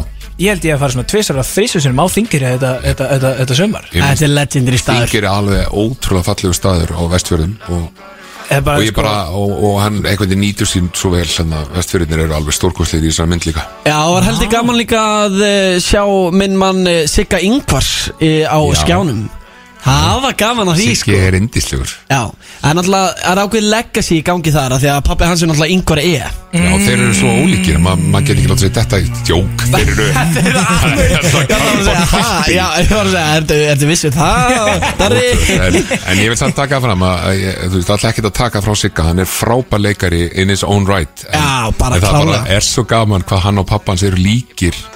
Og hann er bara svolítið eins og pappans leit út þegar hann Það er var bara yngri. Þannig. Já, Bara klón. En, Siggi er ekki minni leikari en pappi sinn. Nei, og yngvar klárlega er nú eh, örgulega minni upp á íslenski leikari. Já, Ég meina, hann sannaði sig þarna, Siggi Ingvars Ólaður, Darri, Jón Kalman, Þingeri Þetta er einhvern veginn bara Þetta er bakkingrækar Þetta er eitthvað rosalega bara, Þú náður líka svakalega sagði Þingeri Ég elska Þingeri sko. Ég er alltaf að fara í heimsótt til hans Péturs Mikla og hann er Lári í garðinum en Lári á tónleika á hverju einasta ári sem þið haldið Já, baka. Akkur Sko, kom, hvað varst Ég þú þá? fór ekki Ég man ekki alveg Ég man ekki hvort ég var ekki eða eitthvað En, en það var ótrúð Það var akkurat einhver sem sagði mig frá þessu Þetta er bara eins og útiháttið í, í Ég verð að- Og allir bara frægustu tónleikamenn Íslands Tónlistamenn Íslands Þeir stoppa við þarna og halda tónleika. Sko, þetta er störla koncept. Ég verði að sína það vídeo á þessu hérna, Þau eru búin eftir út af því að geggjað. þe- Þau eru bara með bara Helgi eftir helgi eftir helgi Bara með vinsælæstu bara tónlistamenn á Íslandi Í bakgarunum hjá sér á Þingeri Það eru svona Það eru undir í 200 manns sem búið Já. Og það er alltaf yfir 200 manns í garðinum hjá þeim. Já, en það, það sem er reyndar frábært núna Nú er búið að opna loksins göng uh, inn á þingari og búið aðeins að gera og það verður að segjast kannski, bara svona hendum í það bara svona, ég er nöldri, ég er núna meðaldra kall ég er nöldri verið einhverju. Já, það má nöldra aðeins. Ég er ekki frá vestfjörðum en djöfull er umulett við að kerfið hana Það Það er alveg hjá. Og þess vegna var ég svo gladur ég sá að það er loksins búið að gera þessi göng Þannig að Það er rosalega að koma sér það þarf að leggja aðeins meira í þetta Því að þetta er algjör perla. Vestfjörðir eru bara einhver fallegasti staðurinn á Íslandi og, En samt á sama tíma bara er fínt kannski að sé ekkert ómikið túrstum þar. Ok, nei, þetta er hræðilegt Þetta er hræðilegu staður. Nei, þetta er algjör perla, það er alveg hárið til Gústi, ég veit að þú varst með nú ykkur af nokkra spurningar hann í tölunni, ég er nú búin að stela þeim þetta nokkrum aður en ég menna, getur ekki þjarmað eitthvað aðeins? Að Jú. hann er búin að fara svo auðvitað í gegnum þetta maður. Maður er búin að, ég sleppur þetta heldur vel í gegn Þannig ég er með svona nokkra spurningar hérna. Ok, Sko- á þetta að vera mjög óþægilegt svo. Nei, nei, nei, nei. En En það þú veist, þetta er svona spurningar sem að þú þarf að vera reynskilin í allavega. Ó, ok. Við köllum þetta svona hitasæti Það eru reynda bara þrjármyndir eftir að, að þættinum En við ætlum bara að gera þetta svona Við svolítið erum eiginlega búin að vera með hann í volgusæti bara núna svona síðan að kom. Já, hann er búin að vera heldur volkur Já, hva, Hvað Hollywood leikar að þekkir Þetta er að leggja í kynlífsinu? En okkur lákaði til dæmis að vita svona, Hvert er vandrarasta moment á sviði? Af því að nú ertu til dæmis eh, bú- Þú leggst og þú byrjaði svolítið þinn feril Meira í leikusunum hérna á Íslandi. Er það ekki alveg rétt hjá mér? eða? Jú, það passar, algjörlega. Já. Og þú veist, þú lítur af að lendi í einhverja sem varst bara ah, Ó, vandrarlegasta momentum með sviði. Já, ég, ég get sagt bara þegar ég var í herranótt þá var svo hræðilegt að sest, þá í lók leikritsins þá kom uh, ungu maður Markus upp á svið á móturhjóli og lokasýningunni hitt hann ekki á rampin og móturhjóli klesti á sviðið og hann datt af hjólinu ég fekk hlátuskast Ó svona, ég nei fekk svona stress hlátuskast og ég gati ekki hægt að hlæja. Þannig að þú gæst ekkert farið með línuna þína sem þú áttir eftir þær. Ég, átti að leika, ég var að leika um borgarstjóra sem átti að vera rosa virðulegur og eitthvað. Ég var bara og það, ég meina, ég er ennþá ég, þú heyri það, þú veist, ég er ekki ennþá búin að fyrirgefa með það. Það er 30 ár síðan það var. Já, hann lendi illa í því þarna. Æja, það meiti sér samt ekki sem Nei, betur. sem betur fyrr. Sko, hvor er betri leikari, þú eða Jóhannes Haugur? Uh, þetta er bara mjög góð spurning. Ég vil bara segja að Jónas Haukur sé bestur í því sem hann gerir og ég sé bestur í því sem ég geri. Aha. En svona overall hver, hver, ekki góð, gott svar. Það er ennþá volt undir Ólaður Darra sko. Heyri, ég skal bara, ég ætla ég ætla að segja bara að Jónas Haukur sé beturleikari Ok. Þú ætlar að gefa hann það? Ég ætla að gefa. Það. Verður heldur satt með það. Hann er náttúrulega stór vinnur Visslunar Hann mætti hérna fyrir ja, tveim vikum. Já, ok, gott. Sko, hefur þú stólið úr búð, Ólaður Dari? Já, Ha, hverju varst að stila?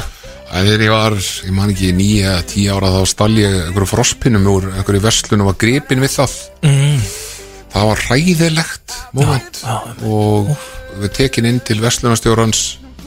En hann var svo mikið indi, hann saði mér að, að þú veist, hann ákvaði ekki að ringi fóreldra mína Ah, ok, þú starfstu vel hann og hann gerði það ekki en ég, það er mjög áhugavert sko bara þú veist við erum að tala um þegar ég var að vestlýsar búð þú veist átt ánum síðar þá var ég ennþá með svona svíða Þessu samvinsku já ennþá með svo mikið samvegskupið að ég gerði það ekki eftir þetta.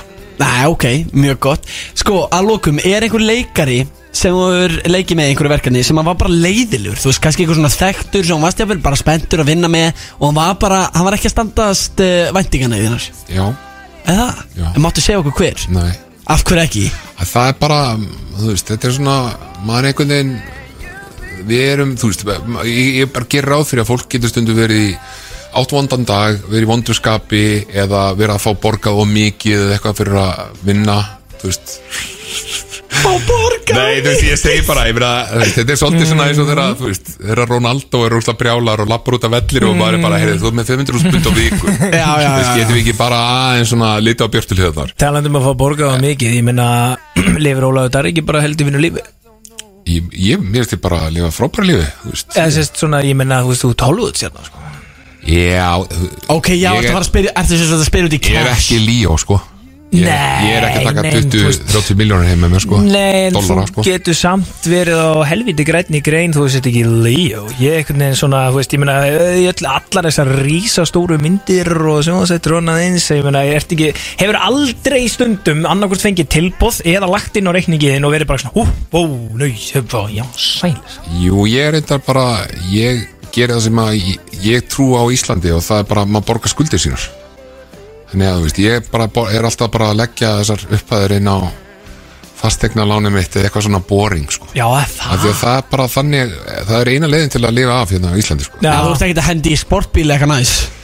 Ég, sko, ég á núna bíl sem að ég, mér þykir mjög væntum Já, Og ok. Flottur bíll, eða? Er Audi sem er nokkra ára gamall Já, og ok. er bara svona fyrsti bíl sem ég kefti mér, þú veist, af því ég elska því Já, En ég er að fara að skipta um bíl og það kemur ljós einna hvaða bíl það verður Byttu, hlakkar mikið til, sko. er verið að fara að það? þetta byrju hvert eru að fara núna Ég, ég get ekki, ég ætla ekki að segja það Sko Palli, hérna, hann er ekkit eðla áhuga samar um bíla Er það? Hann elskar bíla Ég er algjör bíladæli kall Hvað á Palli?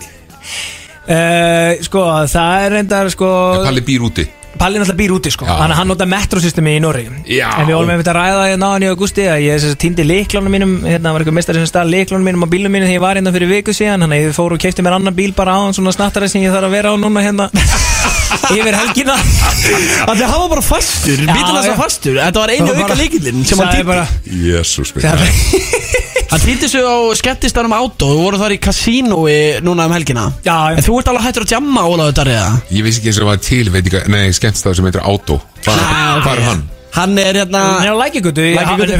Hann kallar hann Hard Rock Casino Já, na, sko, þú veist Vinnur okkar í Coolbet, þeir settu upp smá svona kasínó kvöld Já. síðastlegin fyrstu á át og það var reynda rosalega fokki stemming og bara allir vinsalustu tónlistumenn og Íslandi að raparannir og það- við vorum, ég hefði viljað sjá því þar. Ég er samt svo hrættu við svona þetta veðmáladót. Er ekki fullt af ungu fólki bara eitthvað eða öllum peningur sem í eitthvað rugg Jú Eðst, já, já, en svo, Ja, svo er líka bara svo er líka bara hægt Ötti og að Gils var eitthvað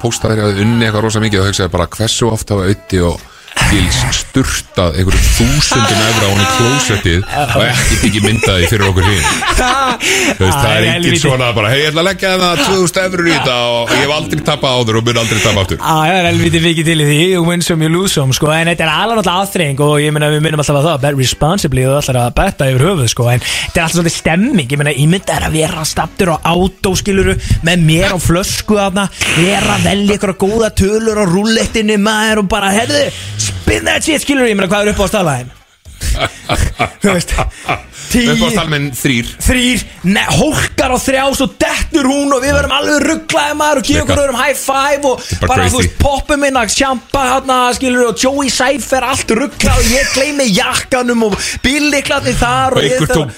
Einhver- Þú veist, og ég þarf að mér nýja bíl ég kem aftur til Íslands og ég get ekki kemst mér saman bíl og fokkin átína sóla starra út af því hann að kassa inn á Walter Mitty og öllum þessum Ég er að elska þetta sko og ég meina átín ekki eins og nóg góðu fyrir hann hann er núna að fara að uppgreita ég veit ekki hvað við erum eitthvað að fara að skoða það hérna við erum offer að við ekki reyna að ræða honum þú veist og ég meina þú veist þetta er, þetta er bara stemming sko en við þurfum alltaf að vera ábyrgir í öllu sem ég gera þetta er nú eins með allt sko allt er gott í hófið Já, bara, þú veist, ég segi það bara því að ég veit það sjálfur að ég, ég þarf að vera mjög passasam með allt svona, ég er mikill fíkill í mér og, Já, ok. og ég veit að, þú veist, þess vegna hef ég aldrei dótt í þennan, sko, svona veðmála bransa Já. því ég er svo skítrættur að ég myndi bara vera búin að missa allt og já, það eru ekki rúlandum á þessum átíð sem þú Þannig ég held mig frá því, ég held kannski tapar ekki bara liklón, laður ekki bara bíl undir eða það eitthvað, var reyna það er máli Það- það væri típist þú. Vann einhver bílinn. er við skulum ekkert vera að ræða það hérna mikið nánar í beinu húsýtingu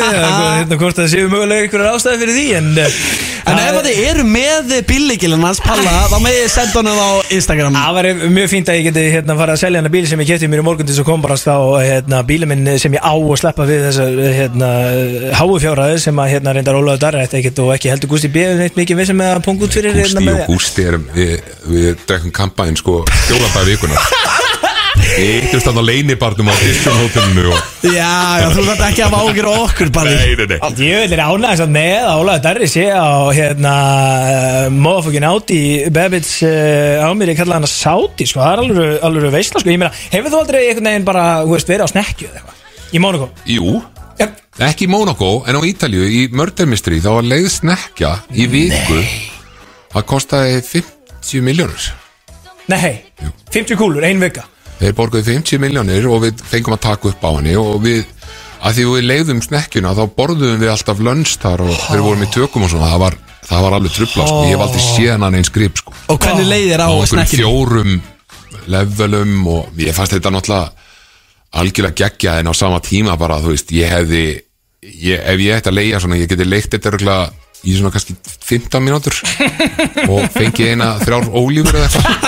Svo er ég bara að fara En ég meina, var ekki rosalegt að vera í eina vika snekkju á Ítali Jú, það var hæðum. en ég er náttúrulega svaf ekki þar, þú veist, ég svaf á hóteli og svona. En þú varst sem bara vaknar á mótana og svo, þú veist, ég þarf að fara í vinna, herri, en, já, en ég er fengum til maður, þú veist, ég var meitt að herbergjunum sem svona trailer Ó, það sko.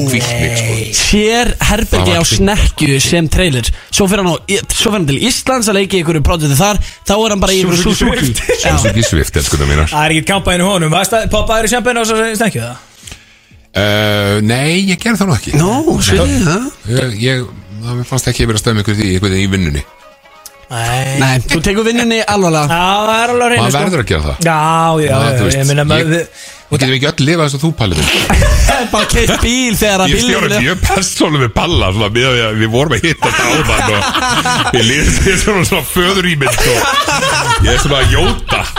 Það er mjög gott sko. Þetta, Ég er að reyna öllu ruggli upp á Hollywood-stjórnina En hann er búin að snúi svo við sko. Hann snýður sig bara við og er að segja mér hvað þetta er allt vittlust sem ég er að segja. Ah. Og þú veist og þetta lífið er ekki svona og ekki svona einfalt og það er ekki allt svona shiny og skemmtilegt. Nei. hann er búin að gera þetta allt saman og hann er einhvern veginn eiginlega bara eða ekki allar mína drömmu Næ, ég, ég ekki leiða mér að gera það. Ég, En ég held að ég sé að fara að byrtast þér í Nóri svona, sem jóta svona Palli, eigum við að vera að gera þetta Þegar hann verður að drekka 15 Jú, daginn í röð eða Það eitthvað var ég með gilsan á einu öxlinni og Ólafdar á einu öxlinni Og þeir að segja alveg sirkon hlutin Gilsan hefur bara sett á hann að leika. Þetta er rosalegu stuð Þúsund efri núna með þetta og fáður eitt kaldan. Svo kemur Ólafdar hinn minn Palli minn. Hefur efna á þessu palli minn?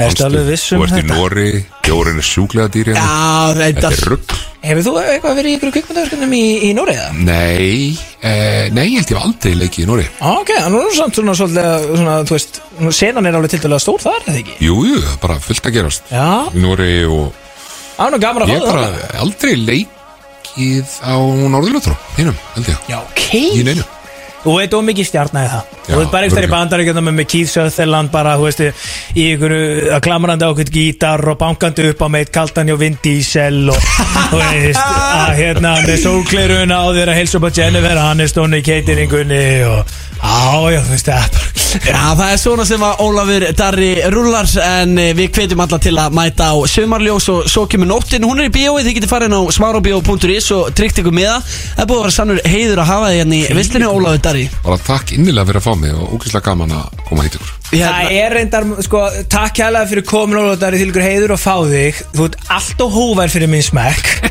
Og hérna, það er greinlegt.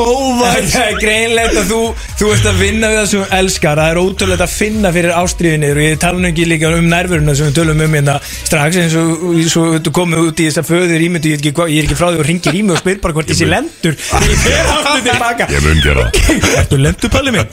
En svo, svo sem ekki það, föður ímyndin hún svona pikkar alltaf í mig þegar ég reyna að ringi eitthvað sem að síðan svara mér ekki. Þetta númer er óvirt. Nákvæmlega Er það ekki alltaf svolítið skrítið? Ég meina, ok, alveg loka, loka, loka, loka spurning Er það ekki alltaf svolítið grillað? Þú ert einnig að ringi eitthvað einhverju á tali og heyr bara í sjálfum að segja Jú, sjálfum þér það er stundum byrjandi Þá langar mér stundum að að tala við Dara Er það? Já, hvað er þetta?